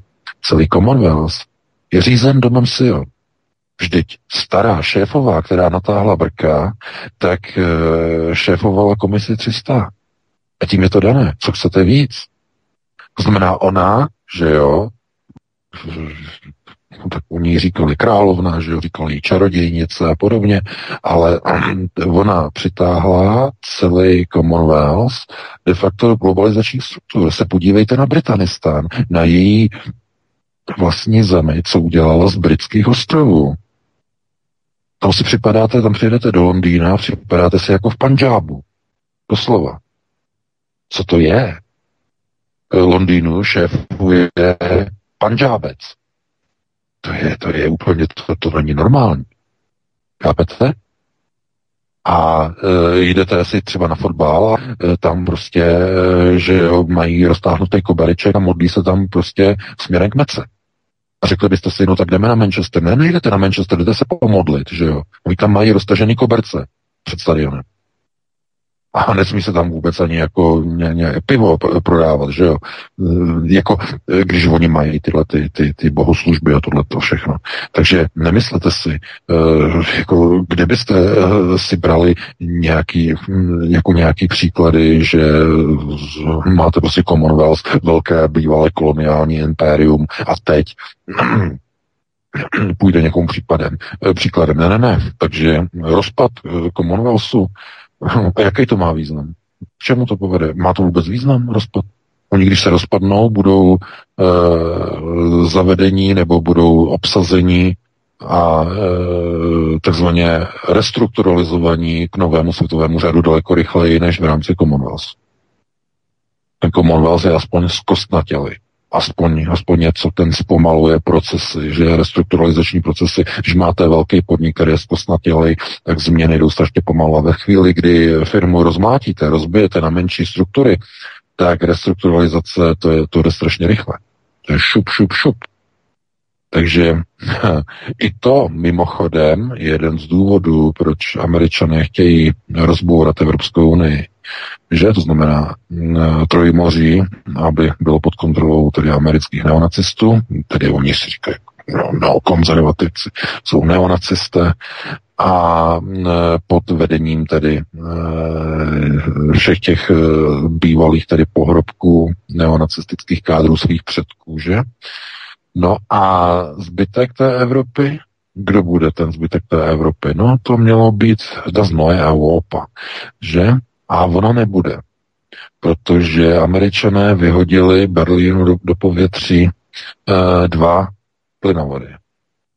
A e, ta nová Evropa měla být právě postavená na levném ruském plynu a na obou plynovodech. A to slučilo, no ono z toho nic nebude. Takže pozor, to je s velkými přesahy, mm, mm, mohutnými přesahy. Mm, Velká Británie nás nemusí zajímat. Vůbec nás nemusí zajímat. Ta se odpojila od Brexitu, že jo, tedy v rámci Brexitu se odpojila od Evropy, to nás nemusí zajímat. Ta vytvoří vlastní uh, konkordát bude, bude, bude konstituována úplně odděleně od Evropy.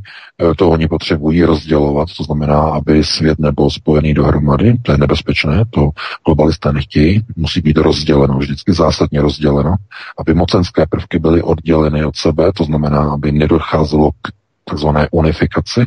Unifikace je nežádoucí pro globalizaci, je nebezpečná, silně nebezpečná, když se lidé dávají dohromady takže, nebo národy se dávají dohromady, to je nebezpečná věc.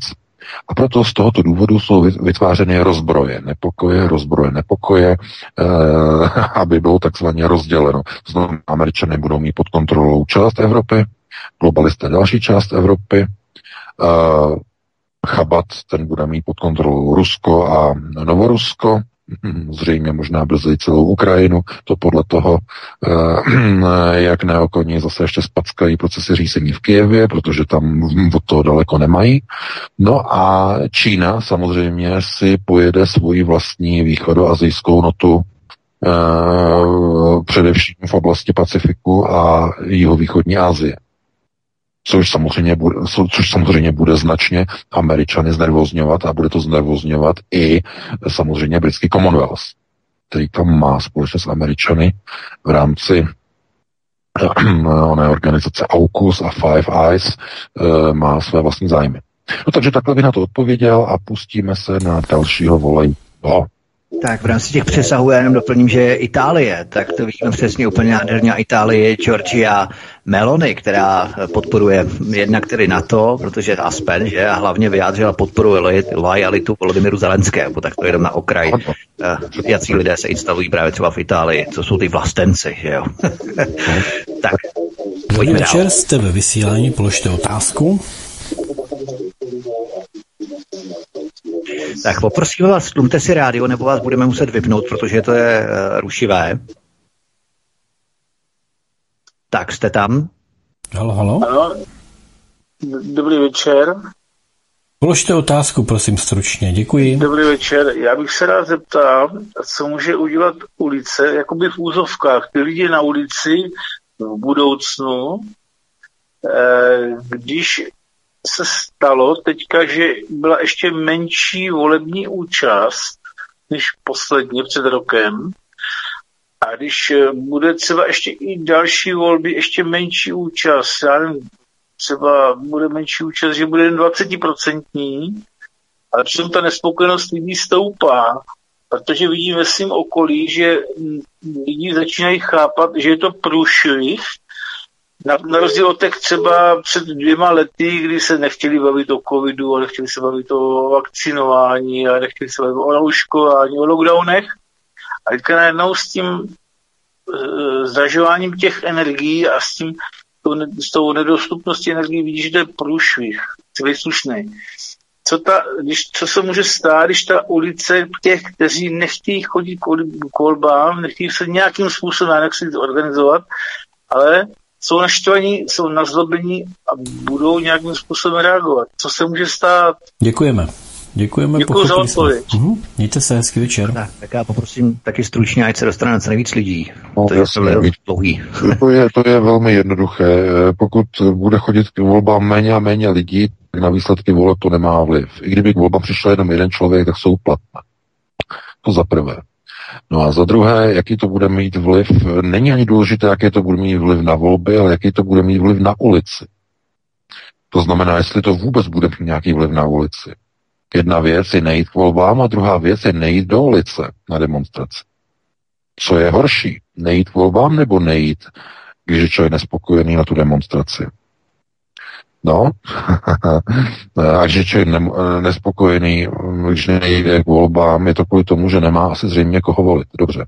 Eh, to proto je třeba pochopení najít. A teď, když nejde k demonstraci, co když on jde na tu demonstraci a zjistí, že to, co tam nabízí, mu připadá, že vůbec nenabízí žádné řešení. Co potom s tím člověkem? Chápete? To má obrovské přesahy. Mohutné přesahy. Musí být vždycky někde definován nějaký lídr, nějaký kádr, který tu opozici povede. A to je vždycky problém u všech uh, procesů řízení ze zdola. Ježíš na to by byly dlouhé, dlouhé, dlouhé, moc dlouhé přednášky o tom, jak je problém řídit procesy ze zdola. Těžko se řídí, protože většina konceptuálního řízení je vždycky ze zhora. Eh, dokonce i demonstrace, barevné revoluce jsou vždycky řízeny ze zhora. Konceptuálně jsou řízeny, nejsou řízeny objektivně ze zdola, protože nespokojenost lidí je objektivní proces. To znamená, chybí ten vůdce v tom řízení ze zdola ten přirozený vůdce. A no, kdybychom šli do minulosti, dokonce ani takové to vzepnutí eh, nacistické, eh, vzepnutí tady v Německu eh, v 30. letech, koncem 20. let už bylo také financované konceptuálně, že jo, z pařížské pobočky Rothschildovy banky, že jo, znamená NSDAP nevznikla samovolně nějak objektivně ze zdola, že by Němci se skládali, ale byly jako členské příspěvky, že jo, ale to bylo všechno financované eh, právě z Paříže, od Rothschildu. Eh, to znamená, ani to se nedalo úplně označit za objektivní proces ze zdola, eh, vzestup, vzestup nacismu. Je to protože eh, je hlavně jako důležité eh, si uvědomit, že když někdo nejde k volbám, je to kvůli tomu, že nevidí řešení, že by někdo z těch kandidát, kandidátů, kdo je na kandidáce, že by něco dokázal vyřešit. Nemají důvěru toho voliče. A teď, když nejde na tu demonstraci, uh, tak je to buď kvůli tomu, že tam nevidí toho kádra, toho lídra, a nebo druhá možnost, úplně už na politický proces rezignoval. A to je tragédie, protože to znamená, že nechává těm, kteří k volbám jdou, klid na práci. Uh, no, a je těžké těm lidem uh, to uh, jakoby mm, nějak vyčítat, protože když nemáte koho, koho volit, volit, nevidíte tam někoho, kdo by vám připadal jako, že by hájil vaše zájmy nebo měl nějaký souznění s vašimi názory, tak těm volbám nejdete. No a když nejdete ani na tu demonstraci, tak vlastně rezignujete na, tom, na ten politický proces. Radikalizace z ulice, to znamená snaha o nějakou změnu, eh, je vždycky proto eh, indukována něčím jiným, než jsou politické teze. A to jste mohli vidět právě toho 3. září, když ještě eh, Fialová vláda odmítala zastrpování cen energií. Po skončení té demonstrace uběhly dva dny a Fiala oznámil zastrpování energií. Dostal strach. Z tohoto důvodu, dámy a pánové, dostal strach. Jeho pětikolka měla obrovský strach. A, trochu, kdybych tady ještě odbočil k té demonstraci v Praze. Já nemůžu samozřejmě Láďovi Vrábelovi nějak radit, to on má svůj řídící tým lidí, ale neměl by tříštit síly. Já chápu, že lidi to stojí třeba peníze, aby jezdili do té Prahy. Každý nechce jezdit do té Prahy. Ale když ty demonstrace nebudou každý týden, budou třeba jednou za měsíc nebo jednou za dva měsíce, tak ty lidi to nezabije a je třeba organizovat a soustředit eh, ty demonstrace, aby byly masivní tam, kde je centrum moci režimu. A to je Praha. Nemá smysl dělat demonstrace eh, v tom kousku půdy, který zapomněl pámbu, když rozděloval republiku, že jo, Brno a podobně, nebo v Ostravě, nebo prostě v Plzni, nebo někde v Českých Budějovicích. To nemá smysl. je třeba to všechno soustředit na ten Václav do té Prahy, bych chtěl poradit Láďovi, je to důležité, eh, protože eh, to centrum moci je Praha. V té Praze musí být vidět ty stovky těch tisíc lidí a musí se otřásat ten Václavák. To znamená, eh, ta fialová vláda musí být pod neustálým tlakem. Protože když rozmělníte odpor, silový odpor do regionálních provinčních měst, tak tím vlastně snížíte tlak v Praze na vládu. Chápete? Musíte to centralizovat do Prahy. Nebo musíte, já vám budu radit samozřejmě, ale je to taková rada. rada, která je možná k zvážení, pokud si tady ten pořad Láďa Vrábel poslechne, tak uh, aby zauvažoval, protože je třeba opravdu centralizovat tu moc, tu sílu uh, těch nespokojených lidí do místa, kde sílí moc, to znamená do Prahy. Eh, takže takhle bych to uzavřel, no a pustili bychom se do dalšího volajícího, pokud tam někoho máme. Dobrý večer, jste ve vysílání, položte otázku. Eh, dobrý večer, tady Zdenka Mělník. Jsme vaši stálí posluchači a moc děkujeme za vaši práci. A chtěla bych položit takový praktický dotaz, protože vzhledem k vývoji toho konfliktu na Ukrajině a tomu, že slyším z různých stran, že je možná mobilizace potom ve státech eh, NATO, tak uh, chci se zeptat, myslíte, je to reálné a za jakých okolností by byla reálná taková mobilizace v naší zemi, anebo vůbec v zemích, uh, prostě, který do NATO patří. Mám manžela, dospělého syna, tak prostě si klademe otázku, jestli je bezpečný zůstávat v těchto zemích. Děkuju. No, já děkuji za dotaz. Taky hezký večer do Mělníka. No, tak já děkuji za to, že nás posloucháte, že nás podporujete, to jsme moc rádi. Eh, chci říct, že eh, teď je všechno otevřené. Po dnešním dnu, kdy došlo k připojení čtyř eh, oblastí Ukrajiny k Rusku, je možné úplně všechno a po podpisu žádosti prezidenta Zelenského o vstup do NATO je možné úplně všechno. Eh, nedošlo k tomu, že by Zelenský požádal o vojenskou pomoc, pomoc eh, nějakou eh, zemi NATO. Ne tedy jako celek NATO, ale třeba některé členské země NATO. K tomu nedošlo. Jako zapad pámbu naštěstí, že by se obrátil oficiální žádostí ukrajinské vlády o vojenskou pomoc proti v uvozovkách agresorovi proti Rusku a obrátil by se třeba na polskou vládu, obrátil by se na českou vládu a obrátil by se na slovenskou vládu s žádostí o vojenskou přímou vojenskou pomoc. A v první fázi, v první uh, kvitanci by se toho samozřejmě účastnili uh, zahraniční expediční sbory, stejně jako fungovali v Afghánistánu. To znamená, profesionální vojáci by dostali rozkaz a bylo by to zřejmě na bázi dobrovolnosti eh, v řadách profesionálních vojáků České armády, kteří by se vydali na expedici a na misi na Ukrajinu, na bojovou misi. To by bylo v první fázi. Tam by nebylo třeba mít žádné obavy. Obavy by musely být eh, v reakci Ruska. Bylo by to totiž zapojení členských zemí do konfliktu na Ukrajině, členských zemí NATO. Ruská armáda by mohla potom uh, považovat tyto země za účastníky, aktivní účastníky a již zcela zjevně dané účastníky vojenského konfliktu a ruská armáda by mohla zautočit svými Eh, vzdušnými raketovými prostředky na opěrné body v České republice.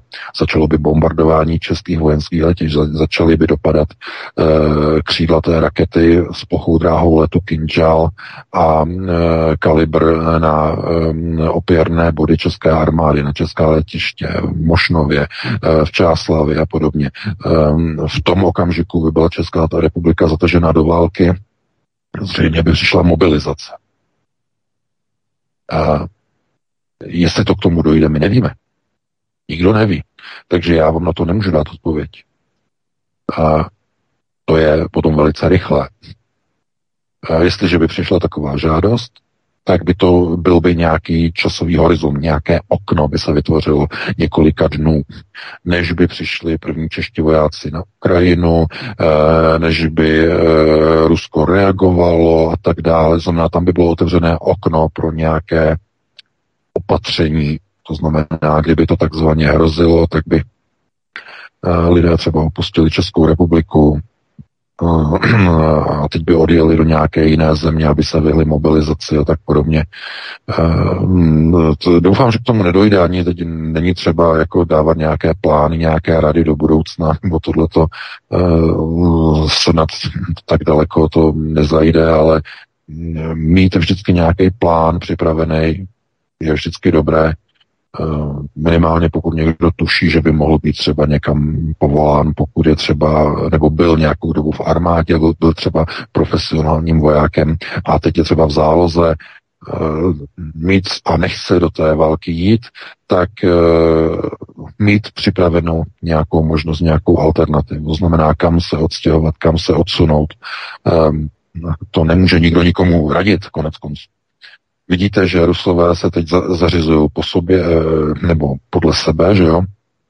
Mnoho mladých eh, lidí, Rusů, eh, teď v podstatě utíká přes hranice do Gruzie, že jo, na jihu Ruska tam nechávají auta a utíkají, protože jo, především mladí lidé, že jo, kteří nedávno skončili eh, vojenskou službu a jsou tedy vedeni v registru eh, aktivních záloh, že po dobu, myslím, 15 let nebo 20 let po skončení základní vojenské služby, takže nechtějí prostě tam nastoupit na frontu, tak prostě jo, utíkají do Gruzie a podobně.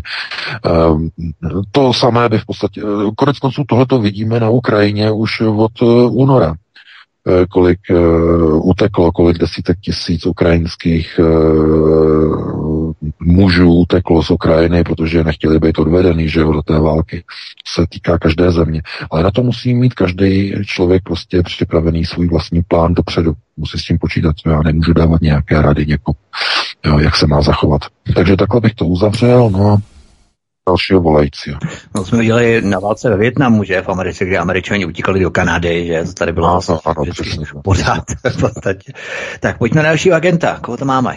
Dobrý večer, jste ve vysílání, položte otázku. Zdravím vás, pánové, zdravím. Měl bych eh, dotaz ohledně, možná navážu docela na tu situaci hm, teďka vojenskou. Hm, dotazní, jaká je teďka pozice Běloruska, protože to Bělorusko je vlastně takový jako tichý, nikdo nic vlastně a přitom blízký hranice ke Kijevu. Nebude sloužit Bělorusko vlastně ve chvíli, aby, aby Rusko dosadilo nějaký zničující úder a napadlo, napadlo Ukrajinu vlastně ze severu a tím by se to možná celý jako urychlilo. A druhá věc, teda, která s tím souvisí, je, že Zelenský řekl, že když teda eh, ty, ty separatistické republiky se stanou Ruskou federací, tak on urychleně požádá, nebo on požádá o urychlení uh, procesu přijetí do NATO. Tak, teďka jako co z toho, jako vlastně pokud bude teda, uh, my víme, že NATO teda zautočí pravděpodobně, nebo může zautočit i tak, ale celkově by tomu dalo nějakou validitu, takže ten dotazní na ta, ta, to Bělorusko jako strategicky a jestli je opravdu reálný, že ten Zelenský si to na to vydupe. Děkuji moc. Mm-hmm. Já děkuji za dotaz. Eh, Bělorusko je chystaná třetí bojová fronta, kde momentálně se připravují letiště pro příjem ruských letadel. Je to informace eh, z ruských sociálních sítí eh, na celkem čtyřech letištích nedaleko ukrajinských hranic. V Bělorusku se staví nové, všechno se tam opravuje, renovuje se leti, renovují se ta letiště, dlouho nebyla využívána, jsou tam stavěny ubikace a tak dále. To znamená, čeká se na, pří, na příjem velkého počtu vojáků ze zahraničí, budou to Rusové, budou to zahraniční bojovníci a bude vlastně ta třetí fronta bude otevřená z Běloruska ve chvíli, kdy bude dokončená v Rusku mobilizace. Teprve dneska dorazily první mobilizované oddíly e, do Doněcku, do DLR teprve dneska. Eh, asi 2,5 tisíce uh, mobilizovaných vojáků. Oni totiž než jsou vyslaní uh, do, těch, do těch oblastí na Ukrajině nebo bývalé Ukrajině dneska už, tak oni procházejí asi 14-denním výcvikem. podle toho, jak jsou mobilizovaní. To znamená, těch 300 tisíc vojáků tam není nasunuto naraz. Tam, tam není na Ukrajině 300 tisíc vojáků mobilizovaných teď. Vůbec ne. E, než tam bude všech 300 tisíc nasunuto na tu Ukrajinu, tak podle ruského generálního štábu to bude trvat měsíc a půl. Nebo skoro dva měsíce. To znamená, že těch 300 tisíc vojáků tam fyzicky na té Ukrajině bude rozmístěno eh, někde eh, v horizontu poloviny listopadu. Teprve. Takže tam někde v tom horizontu eh, se dá očekávat aktivace takzvaného běloruského frontu, o kterém se mluví i ty opravy budou eh, trvat v tom Bělorusku hm, tady znovu zprovoznění těch základen, které dlouho nebyly používány nějakou dobu. Já dokonce si myslím, je to moje spekulace, že ta fronta, ten běloruský front bude otevřený až na jaře. Až eh, na začátku jara. Přes zimu eh, bude fronta zazimovaná a na jaře by ten běloruský front se mohl otevřít.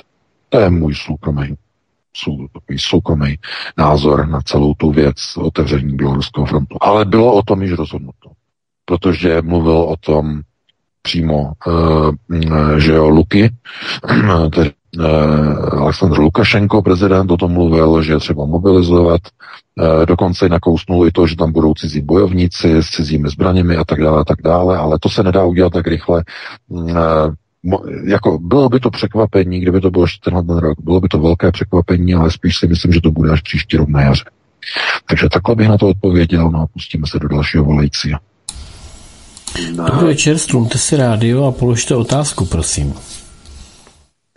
Dobrý večer, posluchač z Libně.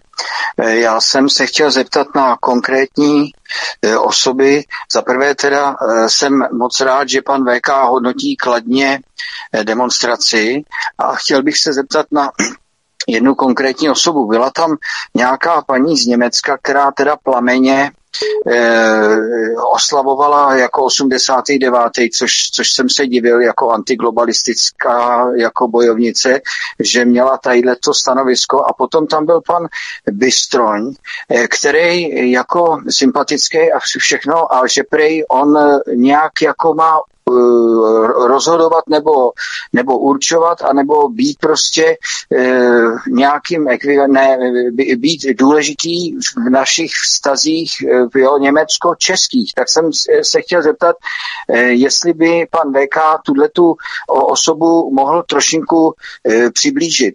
Děkuji moc, budu poslouchat. No, já děkuji za dotaz, ale já jsem nikdy s panem Bysroněm osobně nebyl a nevím, jestli Vítku, ty jsi měl s ním rozhovor? Měl jsi s ním, myslím, nějaké pořady? No. Měl jsem, měl jsem rozhovor a v tu dobu jsem ještě nevěděl, že v podstatě AFD, mám tady plakát a přímo mám tady JPG, obrázek, kdy chtějí část, bavorská část AFD chce rušit Benešovy dekrety z roku 1945. Ano, já jsem, protože no. já jsem o tom psal vlastně, ale to nebylo v souvislosti s AFD, to bylo v souvislosti s návštěvama eh, českých politiků za KDU ČSL, kteří sem jezdí jako, jako, jako, jako na Orle vždycky eh, přijedou prostě na sudeto německé slavnosti, že jo. E, tak v, tom souvi- v té souvislosti jsem o tom psal, ale musíte si uvědomit, že AFD v sobě slučuje mnoho německých e, non, non-mainstreamových, abych tak řekl, subjektů, z nichž mnohé podporují požadavky sudecko-německého Landsmannschaftu. Někteří z podporovatelů AFD mají velký, e, velký tlak na politiku, vnitřní politiku AFD. A od toho se potom odvíjejí určité hrozby, které a potom jako vyskakují s velkým prostě křičícím vykřičníkem. Musí se na to dávat pozor, protože znovu, když se řekne německá alternativa, Ano, tak to je národní zájmy, ale národní německé, národní zájmy, ano. ne české. Že? Přesně, to jsem chtěl právě teď říct, Vícku, ty jsi mi to zase vzal z úst. No. Já už nemusím k tomu říkat vůbec nic. Ale to je něco jako Trump, jo, v podstatě, taky America first, jo, a, to je přesně, taky něco jiného. Tak, přesně tak. Prostě to jsou sice národní zájmy a je vlastenecké, ale německé vlastenecké, to jsem chtěl říct. A e, prostě těm Němcům e, se to jako nemůže jako tak nějak jako vyčítat, ale zkrátka ve chvíli, kdy se mluví o německých otázkách, o někde nějakých, nějakých nárocích, někde, že budeme rušit Benešovy dekrety. Rušit Benešovy dekrety znamená otevřít otázku, majetkovou otázku České republice. V tom okamžiku. V tom okamžiku. V tom okamžiku můžete na to vzít. V tom okamžiku už nebude žádný právní základ před podáním žalob proti tomu, co proběhlo po přijetí Benešových dekretů, když přestanou platit. V tom okamžiku. Takže s tím se nesmí zahrávat. Opravdu ne. Opravdu ne. Um, takhle bych na to reagoval a pustíme se do dalšího uh, volajícího. Já jenom doplním, že nám tady píše posluchač z Německa, že pan Bystron je šéfem bavorské AFD. Tak, jste ve vysílání, položte otázku. Dobrý večer. Dobrý večer, tady je uh, Milena z Jižních Čech. Zdravím celý vysílač. A chci se zeptat, dostala se ke mně informace, USA mají poskytnout České republice pomoc ve výši asi 106 uh, eh, milionů dolarů. By mě zajímalo, jestli pan VK může okomentovat, o co se vůbec jedná, nebo jestli to není nějaký fake. Děkuju, budu poslouchat. Není to fake a hezký večer. Eh, VK, půjdej. Fake to není. Uh, jedná se o takzvané všimné nebo úslužné uh, za všechno to, co provádí Fialová vláda, protože mnoho z toho, co provádí, je tak silně protinárodní, že mm, oni to musí američané nějak kompenzovat, takže pošlou za to, že Česká republika, respektive neříkejme Česká republika, Česká vláda, ano, aby jsme byli jasní, Česká vláda se zbavila veškerých vojenských těžkých prostředků, všechny tanky, co měla, všechny transportéry, co měla, úplně všechno, co měla, tak poslala úplně zadarmo, že jo, Fiala to naložil na vagóny a odvezl to do Tramtárie na Ukrajinu. Ehm, je samozřejmě zase velezrada, že jo, ne, ne velezrada, to je prezident, ale vlastně zrada, že jo, zbavit se. Oni nemají zkrátka teď čeští vojáci s čím jezdit. Oni jezdí na fichtlech že jo, mezi, mezi posádkama. Byla fotka, já jsem si, jak, jak tam jedou dva vojáci eh, a čer na Fichtlovi, prostě jedou z posádky, protože uh, jim sebrali nějaký auto, jim poslali na Ukrajinu. Chápete?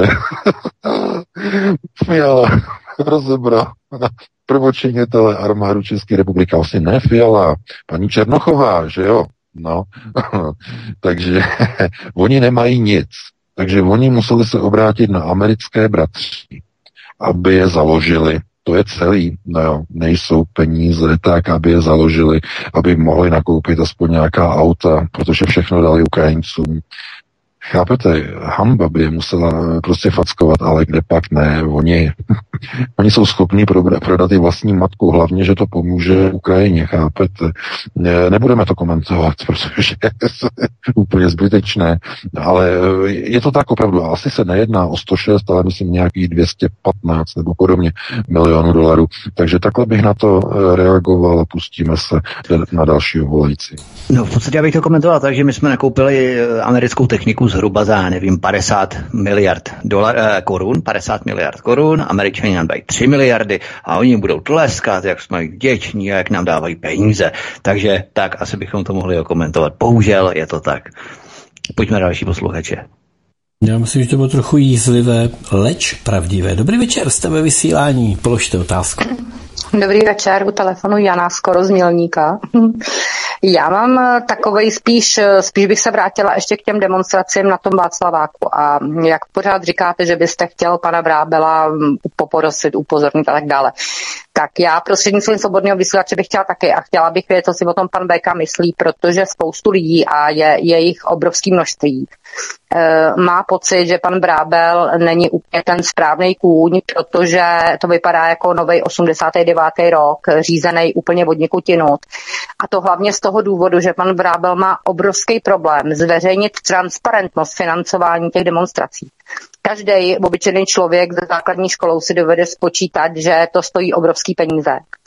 A uh, už jsem četla mraky konverzací, kdy ho lidi žádají o to, aby transparentně zveřejnil, kdo přispívá na ty demonstrace, ať, se, ať je to pódium, ozvuštění, uh, obrazovky a tak dále.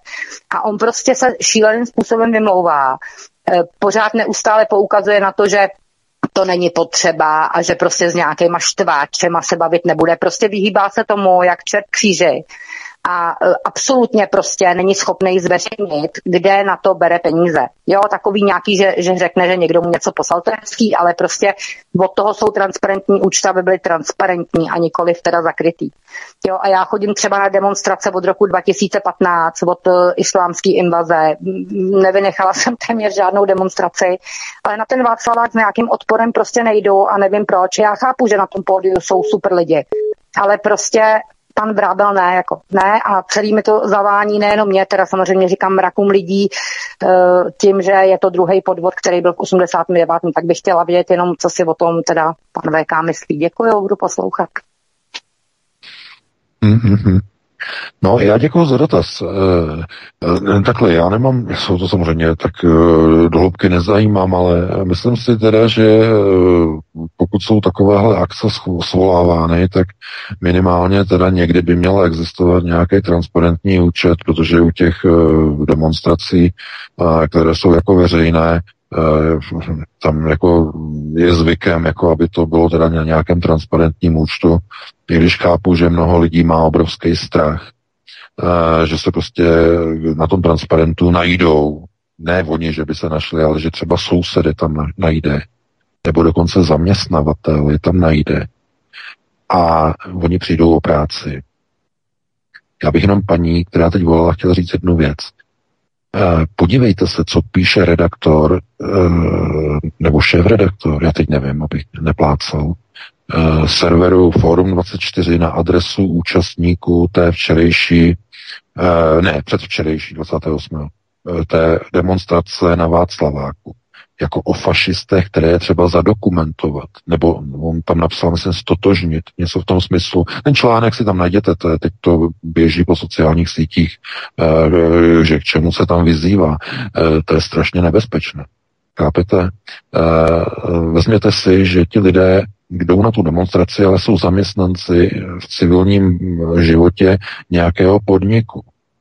A ten jejich zaměstnavatel je třeba sluníčkář a on najednou zjistí, že jeho zaměstnanec se účastnil proruské, proputinovské demonstrace řízené proputinovskými kádry na Václavském náměstí. Zavolá si toho zaměstnance a vyhodí ho. Rozváže s ním pracovní poměr. Protože ta fašizace ve České republice je obrovská. Takže eh, já teď nejsem v té pozici, abych kritizoval, že jsou někde nějaké demonstrace a nejedou přes čistě přes transparentní účet. Za normálních situací eh, bych eh, řekl, no jasně, má to být na transparentu, ale v současné době Uh, už se těm lidem nelze divit, že by měli problém třeba na ten transparent přispět, aby náhodou se to nedozvěděl třeba jejich zaměstnavatel. A kdyby ne zaměstnavatel, třeba jejich příbuzný, někdo, kdo má úplně jiný názor a doma by jim dal sprdung. Třeba manžel, přítel, e, sestra, bratr. Víte, jaké byly rozbroje mezi lidma na téma očkování, neočkování? Jak docházelo ke konfliktům uvnitř rodin?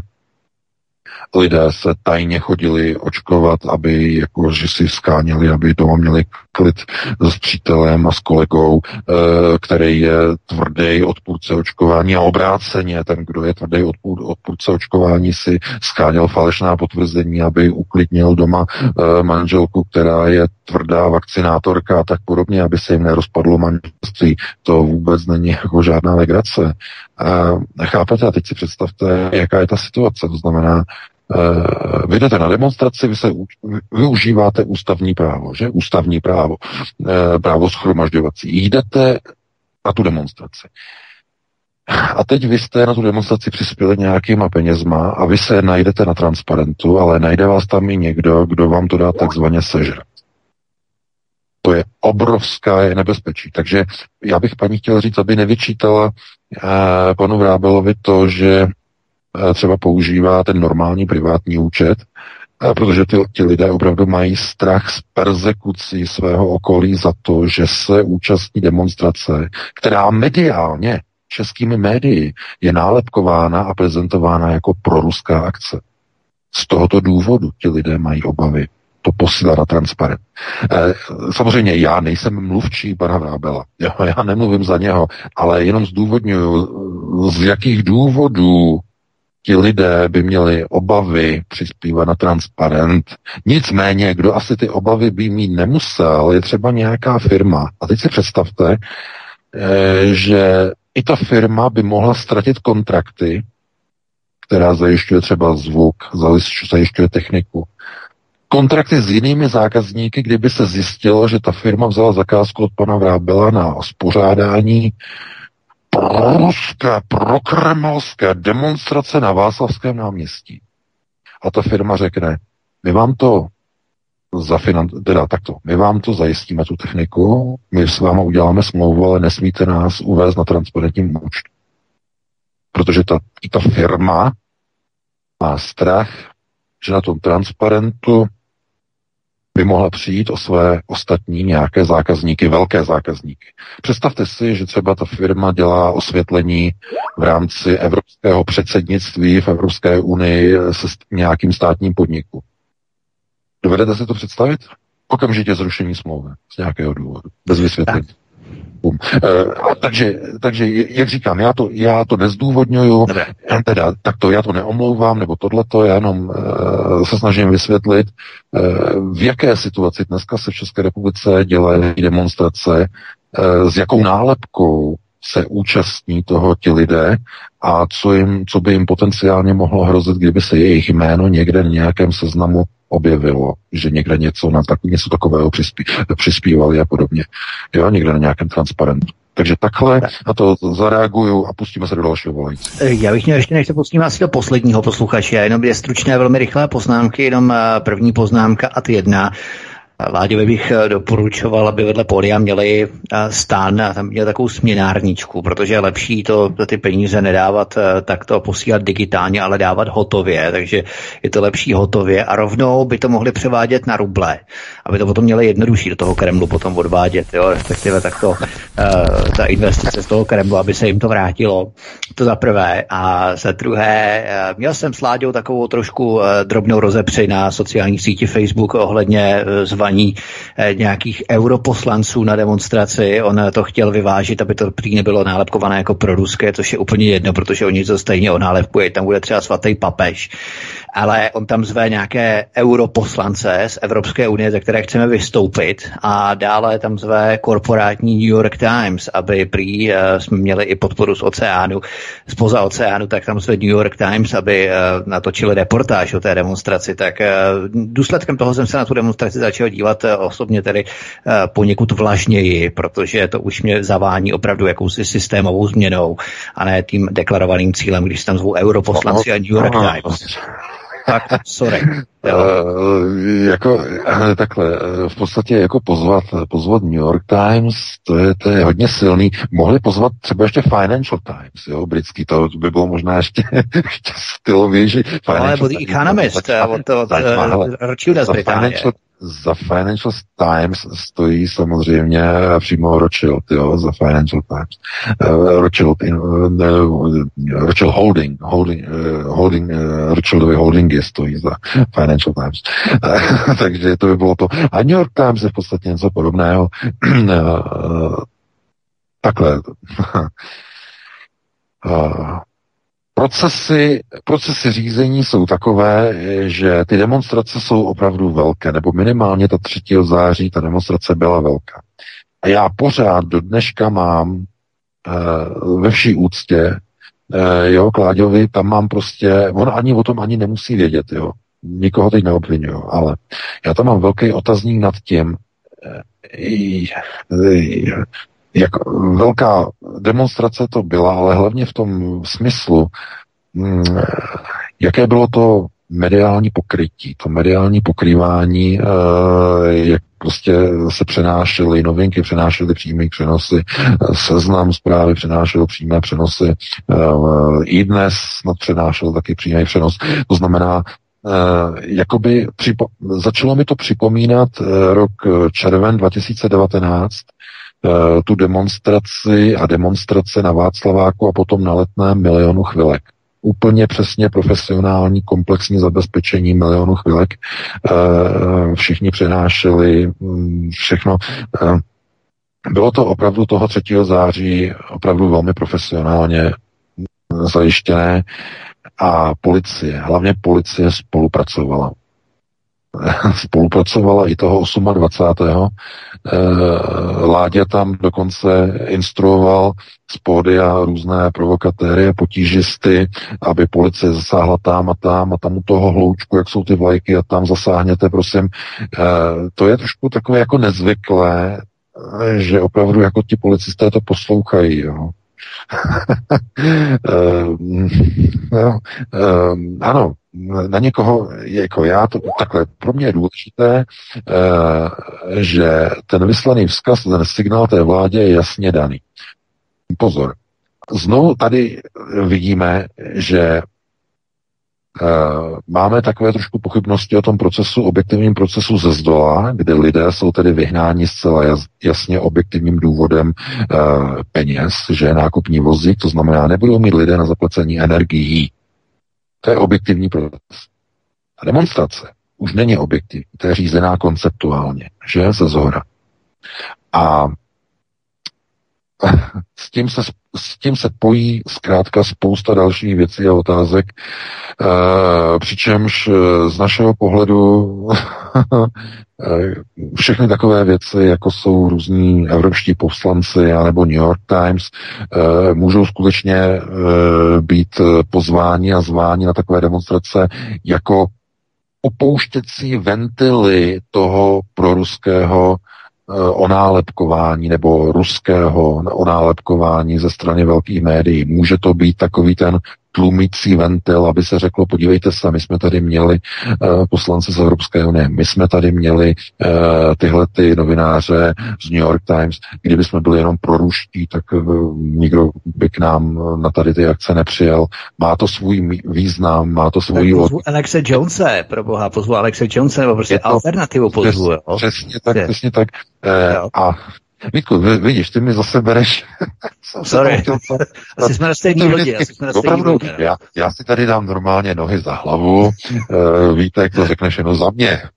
Že no, jo? v pohodě, pohodě. Úplně v pohodě, protože já jsem chtěl říct, že když teda se tohleto dělá, tak by mohli pozvat i opravdu některé opravdové alternativisty nebo alternativce, opravdu fakt tuplovaný třeba, třeba právě z té Ameriky.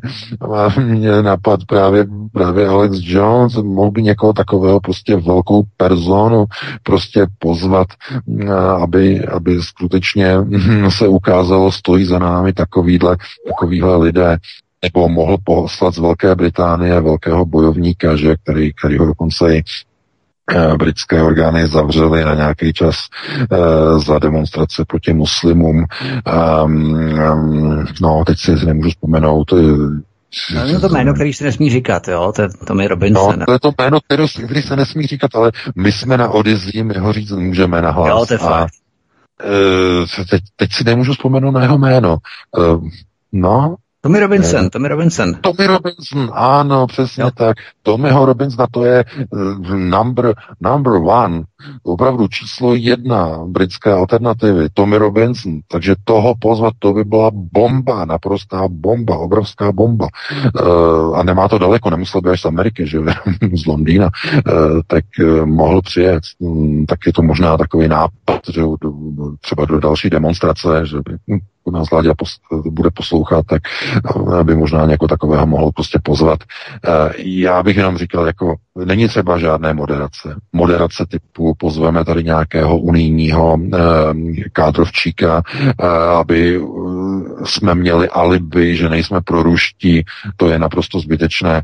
Stejně označíme a tu demonstraci za proruskou tak jako tak, i kdyby tam seděl, já nevím, někdo. Možná Možná, že by ji neoznačili za proruskou, kdyby tam pozvali Uršulu von der Leyen. Dámy a pánové, to by spadly hodiny ze zdi úplně všem, jenže bohužel je vlastencům, že jo, to samozřejmě Láďa, ne, Láďa nemůže pozvat Uršulu, to by, bylo, to by byla katastrofa. Jenom tím chci jako by to jako trošku jako odlehčit tím, že neměly by se používat různé moderační prostředky na to, když se hraje o zájmy prostě českého lidu. Pozývat tak. na to pódium, pozývat na to pódium jenom ty, kteří skutečně chtějí těm lidem pomáhat. To znamená ti politici, kteří se nebojí říct e, nahlas, dobře, my potřebujeme ten plyn pro tu ekonomiku, jenom Rusové umí dost, e, dodat ten nejlevnější, ten ruský. E, to samý nafta. My potřebujeme lacinou, lacinou elektřinu. E, potřebujeme, aby to bylo v národních rukách. To znamená takhle, aby tam chodili tady ty politici a takhle mluvili. A když tam budou takhle chodit a budou takhle mluvit, tak to bude fungovat na ty lidi. A ti lidé tam budou chodit na ty demonstrace pořád, pořád, pořád a podaří se to prosadit, když ten tlak z té ulice bude opravdu velký. No, takže to by bylo moc pěkný ale jsme strašně dlouhý. Jsme Máme 25. No. Ještě dáme poslední. Myslím, že Česká pojišťovna poskytuje gynekologické vyšetření zdarma, takže Uršulu pozývat nemusíme. Eh, dáme dalšího posluchače, posledního posluchače. Opravdu jsme dlouzí, my jsme to teď opravdu rozkecali, jak se omlouváme. Tak jste ve vysílání, položte stručně dotaz. Děkuji. Tak dobrý, já vás zdravím vás všechny. Chtěl bych to. Já jsem byl na toho B a já jsem jakoby moc nevěřil, to jsem tam jako, tak nějak jako, jako řval e, na té demonstraci. Měla, touhle demonstrací celkem to, protože to takhle nefunguje. Jakoby. Sice je to velká demonstrace, jediný, jak na něm na e, stát nějaký, nějaký prostě nějaká velká ztráta. No, myslím, že ten Láďa vrátil na ten já myslím, že někdo z těch tam, co tam byli v tom stanu těch mikrofonů, ano, protože mě asi zaslechli, a tak říkali, uh, ano, vyjednáme s odbory o generální stávce. A tam jsem byl, už v Prahu jsem nevíc, jsem se tam nedostal. Uh, Choda, ale tam pojedu ještě, jo. A tam jako, byl jsem tam asi tři čtvrtě, možná tři čtvrtě. Ten témat, jako že by jako od, od odborech něco odevřeli ten témat, to Prosím, položte otázku, my vás i špatně slyšíme, protože jste asi na špatném signále. Položte otázku, prosím. No co si pan VK myslí o tom, že eh, o, tý, eh, o, o tom strajku, že prostě už něco teď to neříkali. Že v Praze to říkali a teď to už po druhý dva, dva tak neříkali, že, nebo ne o demonstraci, o, o, o generální stávce. Dobře, děkujeme, budeme se tomu věnovat. Díky, hezký večer, nashledanou. No, ten, ten, ten hovor eh, byl strašně nahoru dolů, protože tam jede sinus, to je typický sinus shape, eh, omezování datového provozu, to eh, v sinusu, jo, nahoru dolů, nahoru dolů, to je sinus, eh, eh, pánovi někdo omezuje datový tok. No, eh, co se týče demonstrací, jako je generální stávka, no samozřejmě, protože to je jeden z hlavních nátlakových eh, mechanismů. Eh, to je jako demonstrace sami o sobě nejsou jako ten hlavní nástroj, ten, protože to je jenom to otřásání té ulice, který de facto něco naznačuje té vládě, ale ničemu ji nenutí, ale výsledkem té otřásající ulice by mohla být právě třeba nějaká ta generální stávka. To je třeba ale dohodnout s jednotlivými odboráři a tam je velký střed zájmu. Vítek mi to jistě nevezme z úst, Eh, protože eh, mnozí ti odboráři jsou samozřejmě velmi štědře placení ze státního rozpočtu. Eh, jsou tam příspěvky na provozy, státní příspěvky na provozy jednotlivých odborových organizací přímo z titulárního rozpočtu státního, státních rozpočtů jednotlivých. Oni nejdou proti vládě takzvaně po krku. Jestliže stát platí a financuje provozy, eh, dává příspěvky v rámci takzvané tripartity i na provozy jednotlivých odborů. Všude, ne všude na světě to takhle funguje. Jo, ve chvíli, kdy vláda uh, umožňuje tedy financovat uh, jednotlivé odbory, tak uh, dochází potom k tomu, že Združení eh, odboru KOVO, eh, Konfederace odborových svazů a další udělají velkou demonstraci proti vládě eh, na Václavském náměstí, vládě, která je tvořena pravicovou vládou, že jo, kde sedí, že jo, ODS, je tam TOP 09 Miroslava Kalouska. A když ta demonstrace skončí, tak šéf odborářů si potom sedne s Miroslavem Kalouskem na pivo a pochválí si, jak ta demonstrace dobře dopadla. To je potom tragédie. To je potom peklo na hlavu. Doslova. Eh, jistě víte, mm, nebo víte, jistě ví, o kterou je demonstraci se jedná, to byla tenkrát ta velká demonstrace, která e, byla za vlády, tomu se dobře pamatuju, po vládě Petra Nečase, a e, to jenom no, ukazuje... 2011 podporoval Karel Janeček, mimochodem jí platil. Ano, podporoval Karel Janeček. E, chápete, e, musíte si uvědomit, že ty odbory, já to nechci říkat, to řeknu, nejsou čistý. Nejsou čistý, jo, protože nepůjdou úplně tak po krku vládě, nepůj, nebudou kousat do ruky, která je krmí. Jo, takže uh, oni, oni půjdou do těch demonstrací ve chvíli, kdy něco je k tomu bude nutit kdy třeba odborová základna bude tak vzteklá, že to bude ohrožovat e, křesla vedoucích politických, e, tedy vedoucích odborářů. Potom ano. Když by byla obrovská nespokojenost mezi e, unionisty, tedy odboráři. Ale pokud dole bude klid mezi řadovými odboráři, tak e, ti hlavouni, ti bafuňáři, tak ti nemají důvod dělat demonstrace proti vládě na náměstí v Praze. Chápete?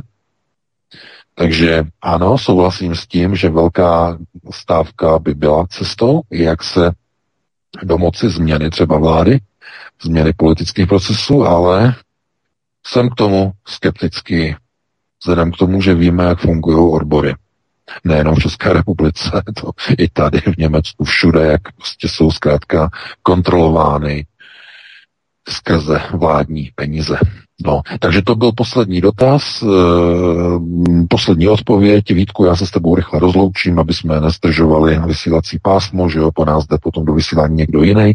E, loučím se s tebou, Petře, samozřejmě se všemi našimi posluchači, ty si to dneska užili, e, když si nás naladí příští týden v pátek, tak si nás zase užijou znovu, že jo, pořád dokola, dokud, dokud to vydržíme a e, já vám přeju samozřejmě, abyste si užili pěkný týden, užijete si samozřejmě i víkend, že jo, si odpočinete, no a pro tuto chvíli vám přeji krásnou dobrou noc. Já to taky vezmu hodně šupem, protože už e, hodně jedeme přes, tak abychom to rychle stihli předat dalšímu studiu a nafutrovat na Odyssey. Takže VK, měj se moc krásně, díky za vysílání, to by Petře taky moc za e, výjimečné vysílání dnes a vám, milí agenti, agentky, kteří jste nám volali, tak moc děkujeme za to, že jste nám volali a taky se budeme těšit na vás příště. Já už se rozloučím, mějte se krásně od mikrofonu na zdraví Vítek, přeju hezký večer, pokud zůstanete dál při poslechu svobodného vysílače, anebo případně dobrou noc. Tak já děkuji všem aktérům, ať už je to Vítek nebo VK.